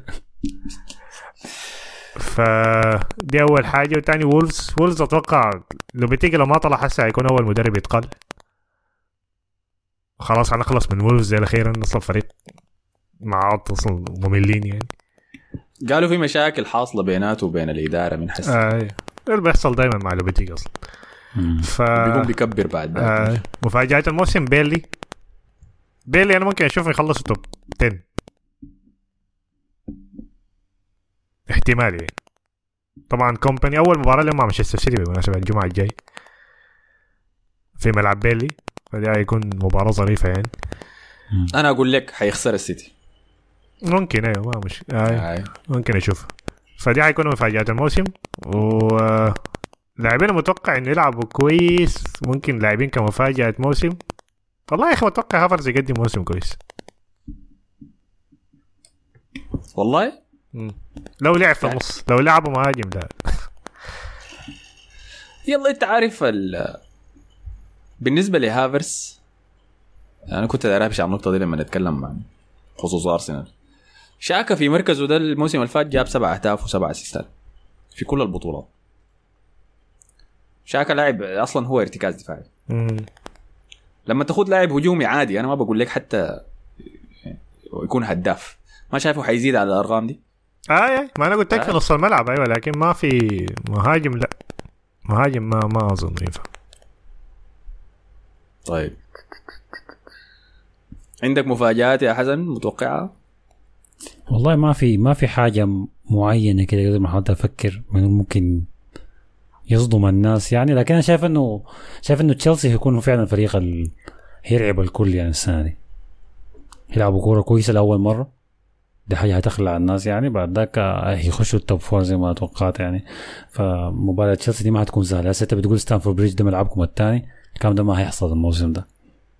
لا دي الحياة دي هاي مع بوشيتينو ما المشكلة من أول أسبوع في مباراة يوم الاثنين كان مانشستر يونايتد وولفز. أنا ما اعرف المب- المباراة دايما بتكون يوم الاثنين لانها بتكون مباراة ضربة كده. الحاجة الكعبة أو ال- ممكن الناس الفريق اللي بيخيب الظن هو برايتن خلاص هنشوف هبوط لبرايتن ديزيربي وما هنشوف تاني ال- ال- المنجم بتاع الذهب ذاك اللي بي- بيغذي فرق الدوري الإنجليزي كلها. خلاص دي هتكون نهايته. وبعد ذاك بيغذي تشيلسي لو سمحت. ما بيغذي بالضبط. فهتكون دي نهاية ديزيربي وممكن حتى ما استبعد إنه يتقال نص الموسم ويكون قاعد كده قاعد على الطرف مستني نادي كبير يجي ياخده يعني. درعة دي درعة لا لا ما أتوقع يتقال لكن ما أظن. حي- أظن الانتقالات الجديدة حتأثر عليهم لكن لا كورته مضمونة. أنا شفت شفت له video clip في فيديو في هنا في ال pre-season ده لاعبين ضد نيوكاسل. طلعوا الكورة كده من برا. حكاية كده سلسة شديد كانت يعني. أنا شايف برايتون ممكن ينزل. أنت عارف مما اشتراهم توني بلوم ده المالك بتاعهم في 2009 يمكن. اشتراهم كانوا في الدرجة الثالثة. وسنة ورا الثانية كانوا دائما بيطلعوا مركز مركزين مركز مركزين مركز مركزين. أصله مما اشتراهم ما حصل. برايتون نزل تحت. مركز في الدوري اللي بيلعب فيه فمن الدرجة الثالثة؟ للدوري الإنجليزي. سنة تلو الأخرى بس بيصعد في المراكز لحد حسي وصل كمان المركز السابع. السابع خش ال Conference League. أنا شايف لكن خلاص هنا ده الحد بعد ده. متذكر قلت لكم قدس بتاع آياكس ده؟ النوادي الكمية مهتمة به. جا برايتون مش اتفق مع آياكس على الانتقال بتاعه. الداير يشتريه السيتي مش اشترى. برايتون اتفق مع آياكس. بس قدس نفسه ما داير يمشي لبرايتون. لأنه لأنه ما عايز يمشي تشيلسي. هو مفتح يعني. النهايه بتاعته. لو هو شايف إنه ممكن يجيب نادي أكبر يعني يمشي له. فدي هي مشكلة برايتون انه بعد ده انت لو خشيت حدود ال top 6 وداير تخش لأعلى محتاج لعيبة جاهزين يقدروا. يساهموا لك حسي. فصعب يلا إنك تقنع لعيبة بعد ذاك في المستوى زي ده. يعني زي قدس ده مثلا هو خلاص جاهز إنه يمشي لنادي كبير. وإنت لقطته قبل الكبار. داير تمشي تجيبه لكن هو عارف حسي إنه هو بيقدر يمشي نادي كبير. ليه يجي برايتون. فالأحلام اللي بتبيعها لذيك مم. ناس كايسيدو واستوبينيان من كولومبيا تعالوا إكوادور تعالوا لي. ما بتقدر. ما حتنفع هنا. هو كايسيدو ده لعب كمو... لعب موسم واحد صح؟ موسم واحد بس كويس. ما مضمون الموسم اللي فات ده. لاعب لعب موسم واحد وفي فريق فيه system كمان. دي ما حاجة مضمونة ابدا. مغامرة عشان كبيرة. كده تشيلسي متردد يدفع ال 100 مليون. عشان كده كل الناس مترددة إنها تدفع 100 مليون فيه يعني. بيسوما بعد كايسيدو شنو؟ طيب بالمناسبه المفاجات أنا شايف ده ممكن يكون مفاجأة عودة بيسوما مجددا. أنا شايفه مع بوستا حيقدر أخيرا يبقى له مدرب داير يلعب كرة قدم يعني عكس ما كان يفعله السابقون. شايفه ممكن يرجع لمستوياته الكويسة تاني. بالنسبة لي منو حيخيب الظن؟ شايف نيوكاسل حيخيب الظن؟ قلت لكم الحاجة دي. شايف السيتي حيخيب الظن؟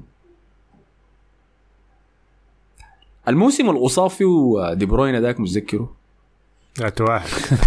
كنت اعرف قام جندوجان لعب مكانه وكان بيلعب دور الارتكاز الوهمي اللي بيهاجم من عميق. الموسم اللي كتل فيه آه، سانشيز مدافع توتنهام ذاك دمر ولا آه أيوه أيوه ذاك موسم الكورونا أيوه. فلما دي بروين اتصاب جندوجان هو اللي أخذ مكانه ما- فوز السيتي بالدوري. ما دائما لكن مرات برناندو اللي بيكون شايله الموسم ذاك بالتحديد. هو كان أكثر لاعب وسط تسجل له اهداف أنا متذكر آي. فالموسم ده إذا تحققت نبواتي وإصابة دي بروينا منو حياخذ مكانه؟ أنا شايف برناردو سيلفا بيلعب في مركز دي بروين بيدخل أقوال كتير لكن لا لا ما, لما ما هو, هو لاعب في لاعب موجود في تشكيلتهم لكن ما برناردو سيلفا. برناردو سيلفا؟ ما عنده الفودن برناردو سيلفا ما عنده الحس التهديفي المستمر طيلة الموسم بيسجل لك هدف كل حين وآخر. لكن اللاعب المصنوع أصلا عشان ياخذ مكان دي بروين في التشكيلة دي هو فودن مم. فده الموسم خلاص ده حيكون بالنسبة لي موسم الفيصل بتاعك يا فودن كل سنة جناح يمين جناح شمال نريح لا ثلاثة شهور نمرقه برا التشكيلة يجي راجع بعد ذاك في النهاية. صابغ شعر أصفر شابغ صابغ آه، أسود. يجي لوقت ال... وقت المتعة بس في النهاية كده فن. الناس تعبانة وتحت ضغط ومعارك هبوط وبتاع يجي فودن جديد يا مان. ما ما عارف الحاصل شنو. طلع له فبس- بالمر والناس الجينيريك اللي بيجيبوا لا، لا. اللي كلهم شعر أصفر ده فالمر ده لسه قدامه مشوار. جونه سمح لكن كان سجل فدي توقعاتنا كانت للدوري الإنجليزي. أنتوا اكتبوا لنا يلا عين وإحنا أي زول اداكم اللي عنده مين حسي وراكم؟ توقعاته للتوب 6 شنو؟ مين حيفوز بالدوري؟ هيحصل شنو؟ أنتوا في التعليقات دوركم يلا. نجي نشوف منو مع منو. خلينا نمشي الدوري الإسباني. يلا كده بما إننا خلصنا الدوري الإنجليزي نمشي على ما يحدث في نواديكم سريع. بعد ذاك ندي توقعاتنا لل top four لازم نبدأ ببرشلونة طبعا بما إنه حسن مبارك كان عامل حفلة في تويتر بمناسبة خروج عثمان ديمبلي من برشلونة لباريس سان جيرمان مع معاذ أبو جبل. ها كيف؟ لا ما مع معاذ أبيض، معاذ آه، صالح معاذ الثاني. مع الصالح آه. آه. آه. والله هو كان ما نوع من الاحتفال لبيت بيكا ما أعرف أسمي ال space داك شنو صراحة يديهم العافية شباب الخشوا كلهم يعني آه خشى برضه معانا محمد مدريدي مخضرم يعني ك imposter يعني ال- ال- الملخص بتاع ال space إنه حتى مشجعين برشلونة نفسهم بينه يعني عندنا عندنا اختلافات كبيرة يعني في منو اللي يقعد ومنو اللي يمرق والنادي يمشي كيف والنادي ما يمشي كيف باين لك انه إحنا لسه يعني ك ك كفريق عشان يستقر ويبقى يرجع للحتة اللي كان فيها لسه قدامنا درب طويل شديد يعني. يعني حتى في خروج عثمان ديمبلي نفسه ما الكل مؤيد. يعني مثلا مؤيد لمرقته لأنه هو ما لاعب هيفيد الفريق على مدار الموسم كله. وفي ناس زي معاذ بيأيدوا إنه ما في profile في النادي زيه اللاعب الممكن يكون هو اللاعب اللي بيفرق معاك وتحركاته مفاجئة ولما يلعب كويس هو أحسن لاعب في النادي. فما في ما في جناح زيه في الفريق. فده هو رأيه يعني في الحكاية. وفي ناس بتأيده برضه. فلكن إحنا مختلفين فيها. ولحد هسه بالمناسبة هو خروج عثمان ديمبلي تم التصريح عنه يعني. لكن الصفقة لسه ما تمت. لأنه برشلونة قاعد يحاول يدرج لعيبة تانيين في الصفقة بتاعته حقت باريس دي. في كلام إنه عايزين يمشوا أنسو فاتي لباريس. في كلام بيقول لك إنه عايزين يجيبوا نيمار من باريس. في تبقى صفقة تبادلية. مم. فالحكاية لحد هسه ما ما انتهت يعني. فده ده المؤخرة يعني لكن ما أعتقد في الأيام الجاية المفروض تخلص يعني. فده كان بالنسبة ل طيب في الجريدة اليوم ده كان مكتوب شنو رفعتها في إنستغرام دافوري الجريده جريده الآس المدريدية بتقول إنه آه، ديمبلي يخون مشروع تشافي. فعنوان طو- كبير. هو شافي زعلان؟ هو تشا- تشافي قال قال أنا أنا محبط نوعا ما لأنه كنت عايز عثمان ديمبلي يقعد. لكن ديمبلي نفسه قال لي إنه أنا لو لو الحكاية بس عليك أنت يا coach أنا كنت قعدت لكن أنا حاسس إنه الإدارة ما مقدراني وعايزة تخلص مني في أقرب فرصة. طبعا ده كلام فاضي ساي. آه، هو هو اللي عايز يمرق مش طيب. الإدارة اللي دفعته إنه يمرق خالص يعني. ف طيب. آه إيه عثمان قال حسن ده لسه بيقرأ جرايد وبهاء قال متفق مع حسن في موضوع عثمان ديمبلي لاعب ما بيحترم الفريق ولا بيقدر العشرة. وفي حاجة كويسة إنه نحن بقينا ما واقفين على لاعب محدد يا حليله ميسي بقى عندنا squad كله رجالة. وحاب أقول لمصطفى جيبوا مبابي وجيبوا كديسكم ذاته تبقى تبقى يا زول. بالراحة بالراحة يا بالراحة يعني ما تستعجل. ما تستعجل. هو ف- برشلونة فريقه كويس. وأنا أنا عاجبني في الفريق إنه دفاعيا إحنا كويسين وسط بتاعنا كويس. هي قضايانا بس في الهجوم. فأنا شايف البناء بتاع تشافي والله ماشي ماشي مرحلة مرحلة كويس يعني بس عايزين نخلص من اللعيبة ال- الزي ديل بأشكال ديمبلي. ما عايزين لعيبة زي دي ما عايز نجم الفريق الأول يكون عثمان ديمبلي ده ما مقتنع بيه فمرقته من صالحنا يعني. ده معناه نجم الفريق الأول حسي رافينيا. لا لا. هو رافينيا ذاته ما مقتنع بالحكاية دي إنه يجي الفريق الأول. لا أنا شايف دي حاجة ممتازة لكم إنه خروج ديمبلي حيدي رافينيا دقائق زيادة ثابتة في الجناح اليمين. حتبدوا تشوفوا مستوياته الكويسه ثابتة شنو يا من هو النص الثاني من الموسم كله لعبه رافينيا. ديمبلي ما كان قاعد نص الموسم كامل. آه، هو هو طبعا رافينيا. ذاك ذاك أول موسم له لكن ما أول موسم. ده, ده الكلام اللي اتقال في ال space إنه إحنا إحنا كمشجعين برشلونة اتخاذلنا في رافينيا الموسم الأول لكن في النهاية ده موسمه الأول. ف... فالموسم الثاني هو فعلا زول جاي من ليدز يونايتد ما جاي من نادي بيلعب أيوة في اللي هي حاجة غلط أساسا إنك يعني- تشتري لاعب من ليدز. لكن الفكرة إنه ده موسم مت... ليه حاجة غلط؟ لا لا نادي بينافس على الهبوط. أنت ما تشتري لاعب وتقول لنا داير اللاعب ده يجيب لي الدوري وينافس على الأبطال. دي حاجة ما صح منك كنادي كبير يعني. يعني روبرتسون آه، ليفربول ما كان يشتريه من هال سيتي. ما دي مغامرة. خلاص يا بتزبط معاك يا بتخيب. ما في حاجة في النص. استثمار هو انت بتلقط الموهبة قبل ما الناس تشوف. لا، لا، لا في ده حسي من ساوثهامبتون. من. أحسن لعبه الوسط حسي. ليفربول شغالين بالبيانات يا man لكن هشوفها دي هاي. دي مغامرة. ده بيشتروا ساي يعني. آه، تشيلسي تشيلسي. أنا بقول لك هو تعاقد ممتاز وهو لاعب ممتاز وهو profile برضه من الأندر في العالم. يعني كان في سبب لما أنتوا جيتوا انت بيعوه كانوا تشيلسي دايره وأرسنال دايره وبايرن دايره لاعب ممتاز خمسة نجوم ما في أي شك عليه. بس بس محتاج يروق شوية يعني. ممتاز مع ليدز. لكن خلي الموسم ده الموسم ده, الفترة اللي هو يثبت فيها نفسه. عنده الجهة اليمين بتاعته. شفت زي ما يعمل اللي هو عايزه. خلينا نشوف هيقدر يراوغ لعيبة ولا لا. هيقدر يرفع عرضيات زي الناس ولا لا. ما هيقعد يتبكى ويتشكى ويقول الكاميرا وين؟ أنا عين في الكاميرا. ويقعد يبكي. آه مدرب طلعني. آه حركات اللعيبة البرازيليين أنا ما أشوفه. ده الموسم بتاعه. أصلا ما عنده أي كلام يعني. آه. فده برضو الموسم ده برضو بالكلام اللي اتقال في ال space ده موسم أنسو فاتي. خلاص كفايه برضه كفاية إصابات وكفاية ما عارف شنو يبدأ من الدكة ده الموسم بتاعه اللي يثبت فيه نفسه. للمرة الثالثه على التوالي. آه لكن يلا الموسم اللي فات يلا في كأس عالم ضغط نفسه عشان هو بس كان داير يلعب في كأس العالم في النهايه لعبه ما عمل وراجع. من الإصابة. الموسم ده هو موسم. لو تعوق تاني خلاص اذا هو ده لاعب إصابات. إنجري برون ما حنشوف منه حاجة تاني قدام برشلونة يتخلص منه. اللي يعني لو جاته إصابة تاني خلاص معنى اللاعب ده ما, ما هينفع مستقبلا انتهى ركبته انتهت. وفي كلام كان يعني مثلا معاذ كان في السبيس بيقول إنه ده أكثر لاعب موهوب في الفريق هو أنسو فاتي. لكن فعلا. لكن هي موهبة أثبتت وجودها من سنتين وثلاث سنين. ما ما لا السنة اللي فاتت ولا السنة اللي قبليه فدي الحاجة أنا ما عايز برضو أعتمد عليها. أنا ما عايز أعتمد على احتمال يرجع لنا واحتمال يكون كويس. أنا عايز لعيبة لا هم كويسين. ف طيب أحمد صلاح قال لك شايف في كلام بخروج انسو فاتي لباريس. رأيك شنو؟ أنا شايف خروجه حيكون كويس اقتصاديا في ظل وجود الزلزولي كجناح شمال. الزلزولي رجع بالليل؟ آي رجعوه من أساسونا. آه أنسو فاتي مرقته كويسة بس في حالة واحدة إنه إنه لويس أنريكي بيغادي هو لويس أنريكي قاعد يحاول يجمع اللعيبة اللي هم بيسموهم fracasados اللعيبة الم- المنتهين في الدوري.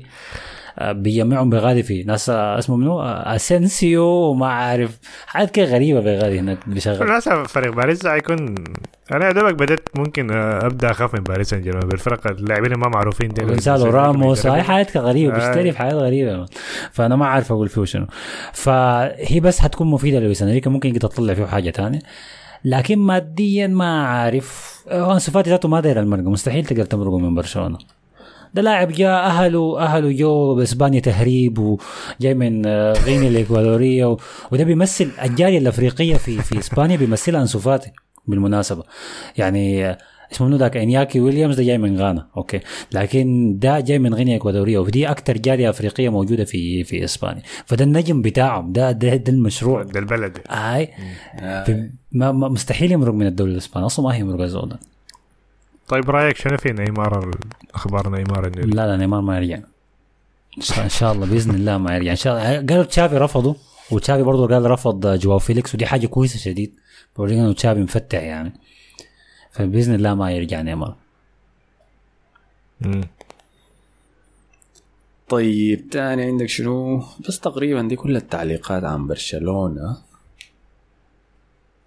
بهاء برضو قال أحمد الفاضل shout out لك يا زميلي أنا برضو بشجع ارسنال والموسم ده بداية السيطرة على إنجلترا. صديق البرنامج بهاء الدين حماد. برودكاست أعمامك المفضل. برودكاست أعمامك المفضل؟ تسمع بودكاست ثاني أهلا بك يا بهاء الدين. طيب نمشي ريال مدريد. ما في أي أخبار يا مان ما في أي حاجة. ما في تيك تاك ما في أي تيك تاك ما في أي حاجة. كما وقال تركت إنه إمبابي. لا أنا صراحة ما يوقع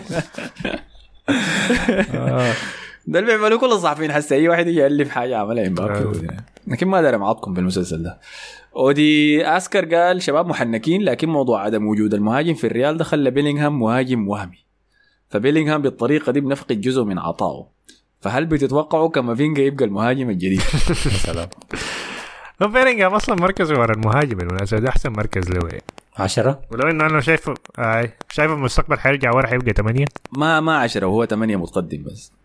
لا هو بيقول 10 يعني أنا شايف من ال scouting report بتاعه أنت شا... أنت كلاعب قاعد تعين له بتقول لا عشرة؟ أنا ما شفت. أنا أول مرة أشوف المباريات الودية اللي كنت بشوفها دي لكن ما كنت احضر لوسط كأس العالم شايفه ثمانية كان أكثر. من اي هو عموما في المس... أنا دائما بشوف اللاعبين في لما يكونوا شباب يعني بعدين بيبدوا مراكز متقدمة يعني مركز عشرة. يعني حتى مودريتش كان بيلعب عشرة كان بيلعب جناح مودريتش أول حاجة. بعدين بيجي يلعب عشرة. كان شنو هذا؟ اليوم ذاك شايفه بيلعب جناح عندكم اسئله في الجناح لا مع... لما مشى توتنهام أول حاجة عشان بنيته ضعيفة كان كان بيلعب جناح أول حاجة. بعدين مع المواسم لما يعني بيجي يفهم الملعب أكثر ورؤيته زادت يعني بيجي يرجع ثمانية فده تطور عادي للم... للاعبين الوسط يعني. لكن هو حاليا مركز عشرة. ولاعب box to box ف لكن أيوه كلامه صح هو موضوع المهاجم ده مشكلة كافينجا ينفع مهاجم ولا كده بيت تخطه في أي حتة ربط على الجرح. محمد عيسى قال أنشيلوتي حلف ما يخيب ظنك ولعب مودريتش وكروز سوا آه. والله يا ريتني ما قلت حاجة. دي كان مباراه وديه ضد يوفنتوس خسرناها 3 واحد آه. كان طبخونا كده جول في أول ثانيتين. أو 10 ثواني دخل مويس كين يعني. حفروا يا man طلعوا من القبر. جابوا دخل جول في عمل. الرقصة. آه عمل رقصه ال griddy ولا اسمه. فنفس المشاكل بتاعت معاوية كل- معاوية حضر المباراة دي وزعل شديد وجا قال تعريف الغباء. كما قال أينشتاين هو فعل الشيء مرتين بنفس الأسلوب والطريقة وانتظار نتائج مختلفة. أما التخلف فهو تركيب اطارات سيارة كيا مقاس 14 في سيارة فيراري. تديها لسواق حنطورة ودفار يدخل بيها سباق سرعة. لاعبين بجودة فيني وكامافينجا وبيلينغهام بدون أظهرة وراس حربة متمرس وتلعب بطريقة الماسة 4 4 2 دليل على الغباء والخوف والتخلف والهبل. وسنسمع ذات العذار أننا في طور التطور ونسينا أننا بكل طرق اللعب كنا بنلعب كورة دافوري حرفيا مع الكثير من الحظ ودعاء الوالدين. تكرار الخطأ أكثر من مرة ليس بخطأ إنه قرار. يا أنشيلوتي يا بليد خلاص اختصر الكلام شكله كله مزعج يا معاوية هي نفس المشاكل بتاعت كل مرة مزعجة والله ما أعرف إيش نوع. الفريق بيعمل فرص كثيره لكن ما بيدخل أجوال يعني فنفس المشاكل اللي كنت متوقعها من البداية حصلت يعني هل دي حاجة كويسة انه حصل في pre season وهيغير حاجة دي ما حاجة دي حاجة حنشوفها بس مع الموسم يعني ما, بتقدر تتوقع أي حاجة من أنشيلوتي يعني. كرة قدم المداعبة آه. ال teasing. طيب. يلا توقعاتنا لل top four دوري الإسباني. أنا حبدا ليك يا زلمة. يا زول. نفس الأول والثاني بتاع السنة اللي فاتت. برشلونة هيفوز بالدوري. ريال مدريد الدوري التا... ال- حيكون في المركز الثاني والناس ما تكتب ليه لو إمبابي جاي. يعني إمبابي جاي برضه هنخسر الدوري يعني. يا زول. لكن دوري الأبطال ده خليه على الجنب. يعني. لو إمبابي دوري لو إمبابي جه حتخسر الدوري برضه؟ هنخسر الدوري برضه. يا مصطفى قول بسم الله يا هذا هنخسر الدوري يا مان. أنا عارف أنشيلوتي ده يا أخي. قلت لك ده فريق حيكون إذا امبابي جاء الفريق ده حيبقى فريق بتاع مرتدات. امبابي ما لاعب راس حربة بتاع يستلم الكورة وظهره على الجول. امبابي ده زول بس تفلق له الكورة قدام. فأنت عندك ثلاثة حيكون عندك ثلاثة مهاجمين. عندك عندك رودريجو عندك فينيسيوس عندك إمبابي. لاعبين نفاثات بس بيجروا. الكورة تكون عندك كلهم حيجروا قدام بس. فأنت فريق بتاع مرتدات. هتلعب في الدوري الإسباني ثلاثة أربعة الفرق دي بتلعب deep block فما في أي طريقة بتاعت مرتدات إلا فيني يقعد نفسه يعمل الحركة بتاعت السنة فاتت يقعد يعدي مليون واحد يلقى له طريقة يدخل منها جول. ده غير طبعا الفترة اللي. آه، لازم من باب يتعود على الفريق وبريسيزون بتاعه كله ضايع لأنه الصفقة دي ما عارف هتخلص أصلا. لو خلصت هتخلص بعدين نهاية شهر 8 قربت الانتقالات فالشهر الأول ده كله ضاع منه لحد ما يخش مع الفريق. موضوع إنه بيتدرب حسي ده ما بيهمني يعني. لحد ما يخش مع المجموعة يسافر ينتهي الانتقالات دي كلها فدي قصة طويلة شديدة. فالفريق ده حيكون إذا إمبابي جاء البطولة الوحيدة ممكن ينافس عليها هي دوري الأبطال. طيب. وإمبابي ده لو جاء ما نجيبوا ليه الصلاة الفيلسوف ده كمان نجيبوا ليه في المجموعات ذاته؟ الرجل ده المجموعات أنا. في المركز الثالث أتلتيكو برشلونة شايفه بس حيفوز بالدوري تلقائيا كده ما في أي حاجة. اي لا فريق بتاع سيستم بيقدر يطلع بالمباريات لما اللاعبين ما يكونوا في مستوى كويس. ف دي, دي حاجة دايما بتديك الأفضلية في الدوري. إحنا ما عندنا system فنفس المشاكل اللي بتحصل كل مرة. يعني بس ما عاوز اكرر الكلام كله يعني بتاع طيب. مشكلة كل سنة. أتلتيكو في المركز الثالث. المفاجأة أظن ريال بيتيس حيجيب المركز الرابع. okay. أتلتيكو طبعا عشان يتخلص من الفيروس يا جواو فيليكس. ده حيمشي الهلال بالمناسبة. وقال يمشي الهلال يا عارة أحلق شعرك يا فيليكس. أنا حسن آه استغفر الله. طيب okay نبدأ من الأول للأخير الرابع ولا من الرابع للأول؟ على كيفك؟ طيب. مصطفى ما عنده أخلاق كان عم آه طيب وكان أنشيلوتي يقفل ال... هو ومعاوية ما قافله معاه أنا مستني هاي أساسا كان توقع لكن منطقي شوية أنا هبدا من الرابع أنا شايف إنه الرابع آه هو أحسن فريق كان بيلعب كورة في الدوري الإسباني السنة اللي فاتت ال- ال- المستوى الكويس بتاعه. بس عيب إنه المرة دي خش الأبطال فهيقع برضه في المركز الرابع اللي هو ريال سوسيداد. أصله ما ما ما تأثر المرة اللي فاتت لما مرقوا منهم اسمه منو ده؟ لما مرقت منهم انت يا أحمد مشيت نيوكاسل. ألكسندر آيزاك. كملوا زي ما هم بيلعبوا كورة ممتازة شديد وأنا شايف إنه هيستمروا عليها يعني. لكن عيبهم بس إنه ما عم يعني ما دعموا شديد نفسهم السنة دي مع إنهم خشوا الأبطال. فهي هيضلوا كمركز رابع. لو دعموا كان ممكن ينافسوا على الدوري عديل لكن دي ما هتحصل. ديفيد سيلفا يا أخي اعتزل يا أخي. آه، shout out طيب دي ما خسارة كبير؟ ما هو ما كانوا معتمدين عليه شديد أثناء الموسم. كان مصاب الموسم آه، كله. كان بيلعب مجاملة بس يعني. المركز الثالث هيكون ريال مدريد. الفريق اللي نجا من. نجا من المركز الثالث السنة اللي فاتت في آخر لحظة. بسبب إنه. والله منطقية يا أخي. آه. لأنه أتلتيكو هو ضيع المركز الثاني الموسم اللي فات من يده وقام قام الريال فرق نقطة تقريبا. الريال قام هو اخذ المركز الثاني. فالموسم ده الريال ما يعني okay صفقة بيلينغهام كويسة لكن المركز الجناح ال- شنو الظهير اليمين لسه ما تحسن لحد هسه ومشكلة المهاجم ما زالت مستمرة. وما ننسى مسلسل العنصرية بدا الموسم اللي فات مع فينيسيوس. الله يستر الموسم ده يحصل شنو؟ الحكاية دي آه، حتمشي. أول مباراة حتة بعيدة يعني. أول مباراة ضد أتلتيكو بلباو كمان في ملعب بلباو آه شوف. في انديه جاهزه بس مستعدة لفينيسيوس ده. واساسا أنا شايف آه، أنا شايف ال timeline الإسباني. بيمسكوا له أي حاجة بيعملها في الوديات. أو مثل هنا الع- العبد عمل شنو أنا شايف حاجة كعبة شديد يا. فاستعدوا بس يعني. فريال مدريد يكون موسم مخيب شديد وممكن المرة دي جد نشوف أنشيلوتي بيتقال في نص الموسم. جد. أنا داير أقول لك. آه فده المركز الثالث ريال مدريد. المركز الثاني أتلتيكو. أتلتيكو طبعا أخذ المركز الثاني بالشكل ده برشلونة هو المركز الأول. هي هي ضايق برشلونة في في الدوري. أنا عندي إحساس إنه أتلتيكو هيضحي بالأبطال ويركز على الدوري. ده موسم دييغو سيميوني الأخير بالمناسبة. فبدأ ينظف الفريق بدأ يصفيه كده عايز يعمل حاجات معينة بتاعته. عنده احسن قام طوالي وقع مع ألفارو مرات آه، ألفارو إحنا عارفين صفقته دي أكبر مننا يعني. الحكاية دي فيها غسيل أموال واضحة لا يعني. أديك أديك حاجة. عقده كان منتهي 2026 قام سيميوني قال لا لا أنا ما مرتاح بالعقد. زي كده وسنة زي. قام خلوه آه، 2027 يوفنتوس ده المتربصين آه، أي ما أنا ما مرتاح يعني. ثلاث سنوات دي ما يزيدوا أربعة. لا لا مراته ده صفقة. قام وقعوا الليلة. قروش قروش قروش غريبة. ما أعرف بتمشي وين قروش مراته دي. لكن عنده عنده عنده أحسن لاعب في الدوري الإسباني برأيي اللي هو أنطوان جريزمان. اللاعب ده هيفرق معاه شديد شديد يعني. و... لو سمحت. أنا أنت كنت ترضى فيه وأنا ما برضى فيه. ممكن تقول لي جريزمان أحسن من بيدري. أحسن من فينيسيوس كيف ذاته؟ ما أدري شنو. آه أنا نسيت والله.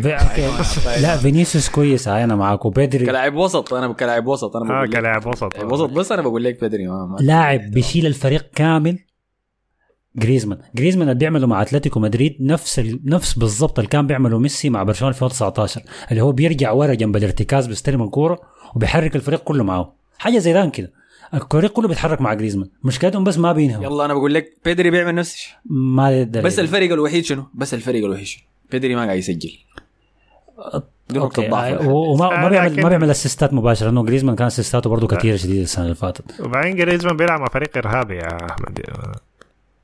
آه، أنا شايف إنه جريزمان بيبرز أكثر من بيدري. بيدري كويس عشان بالمناسبة. بيلعب في فريق إرهابي معناه أحسن كهجوميا يعني كده. لا يعني كده كان- تعلق اكبر يعني. لا اللي بيعمل يعني كده يعني يعني يعني مبهر أكثر من من اللي بيعمله بدري لأنه فريق في system يعني. لكن أنا شايف إنه بدري كلاعب أحسن أكيد أكيد لو خطيت بيدري بس قدام جريزمان بدري أحسن. اخير لو شفت مثلا فينيسيوس ع- يعني نجم أكبر. تأثيره يعني. لكن قصدك أحسن أداء في الدوري المصري. آه اي أيوه تك بيلعب بشايل حرفيا شايل الفريق. ما بس قاعد قدام مستني الكورة تجي بيدافع وبيقلع الكورة وبيبدأ الهجمه هو ذاته. فده هيكون ده هيكون الموسم الأخير ذاته يمكن لجريزمان مع أتلتيكو يكون حاجة خرافية كده يعني. وينافسوا برشلونة. لكن برشلونة ستيل هيجيب الدوري. ليه؟ لأنه برج... هذه حاجة قالها مصطفى قبل برشلونة اتعلم أخيرا الموسم اللي فات إنه يفوز بطريقة قبيحة.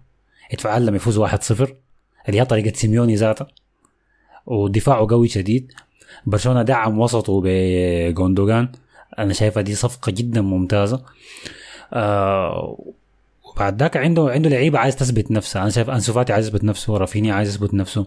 فيران توريس كل يومين بينزل فيديو في الجيم ليفاندوسكي عزيز ليفاندوسكي ما داير يثبت نفسه في اي حاجة فيران توريس كل يومين بينزل فيديو في الجيم داير يثبت نفسه فده الدافع بتاعهم ده ده براو كويس. ما أقول لك انهم يلعبوا كويس لكن عندهم عندهم رغبة يعني.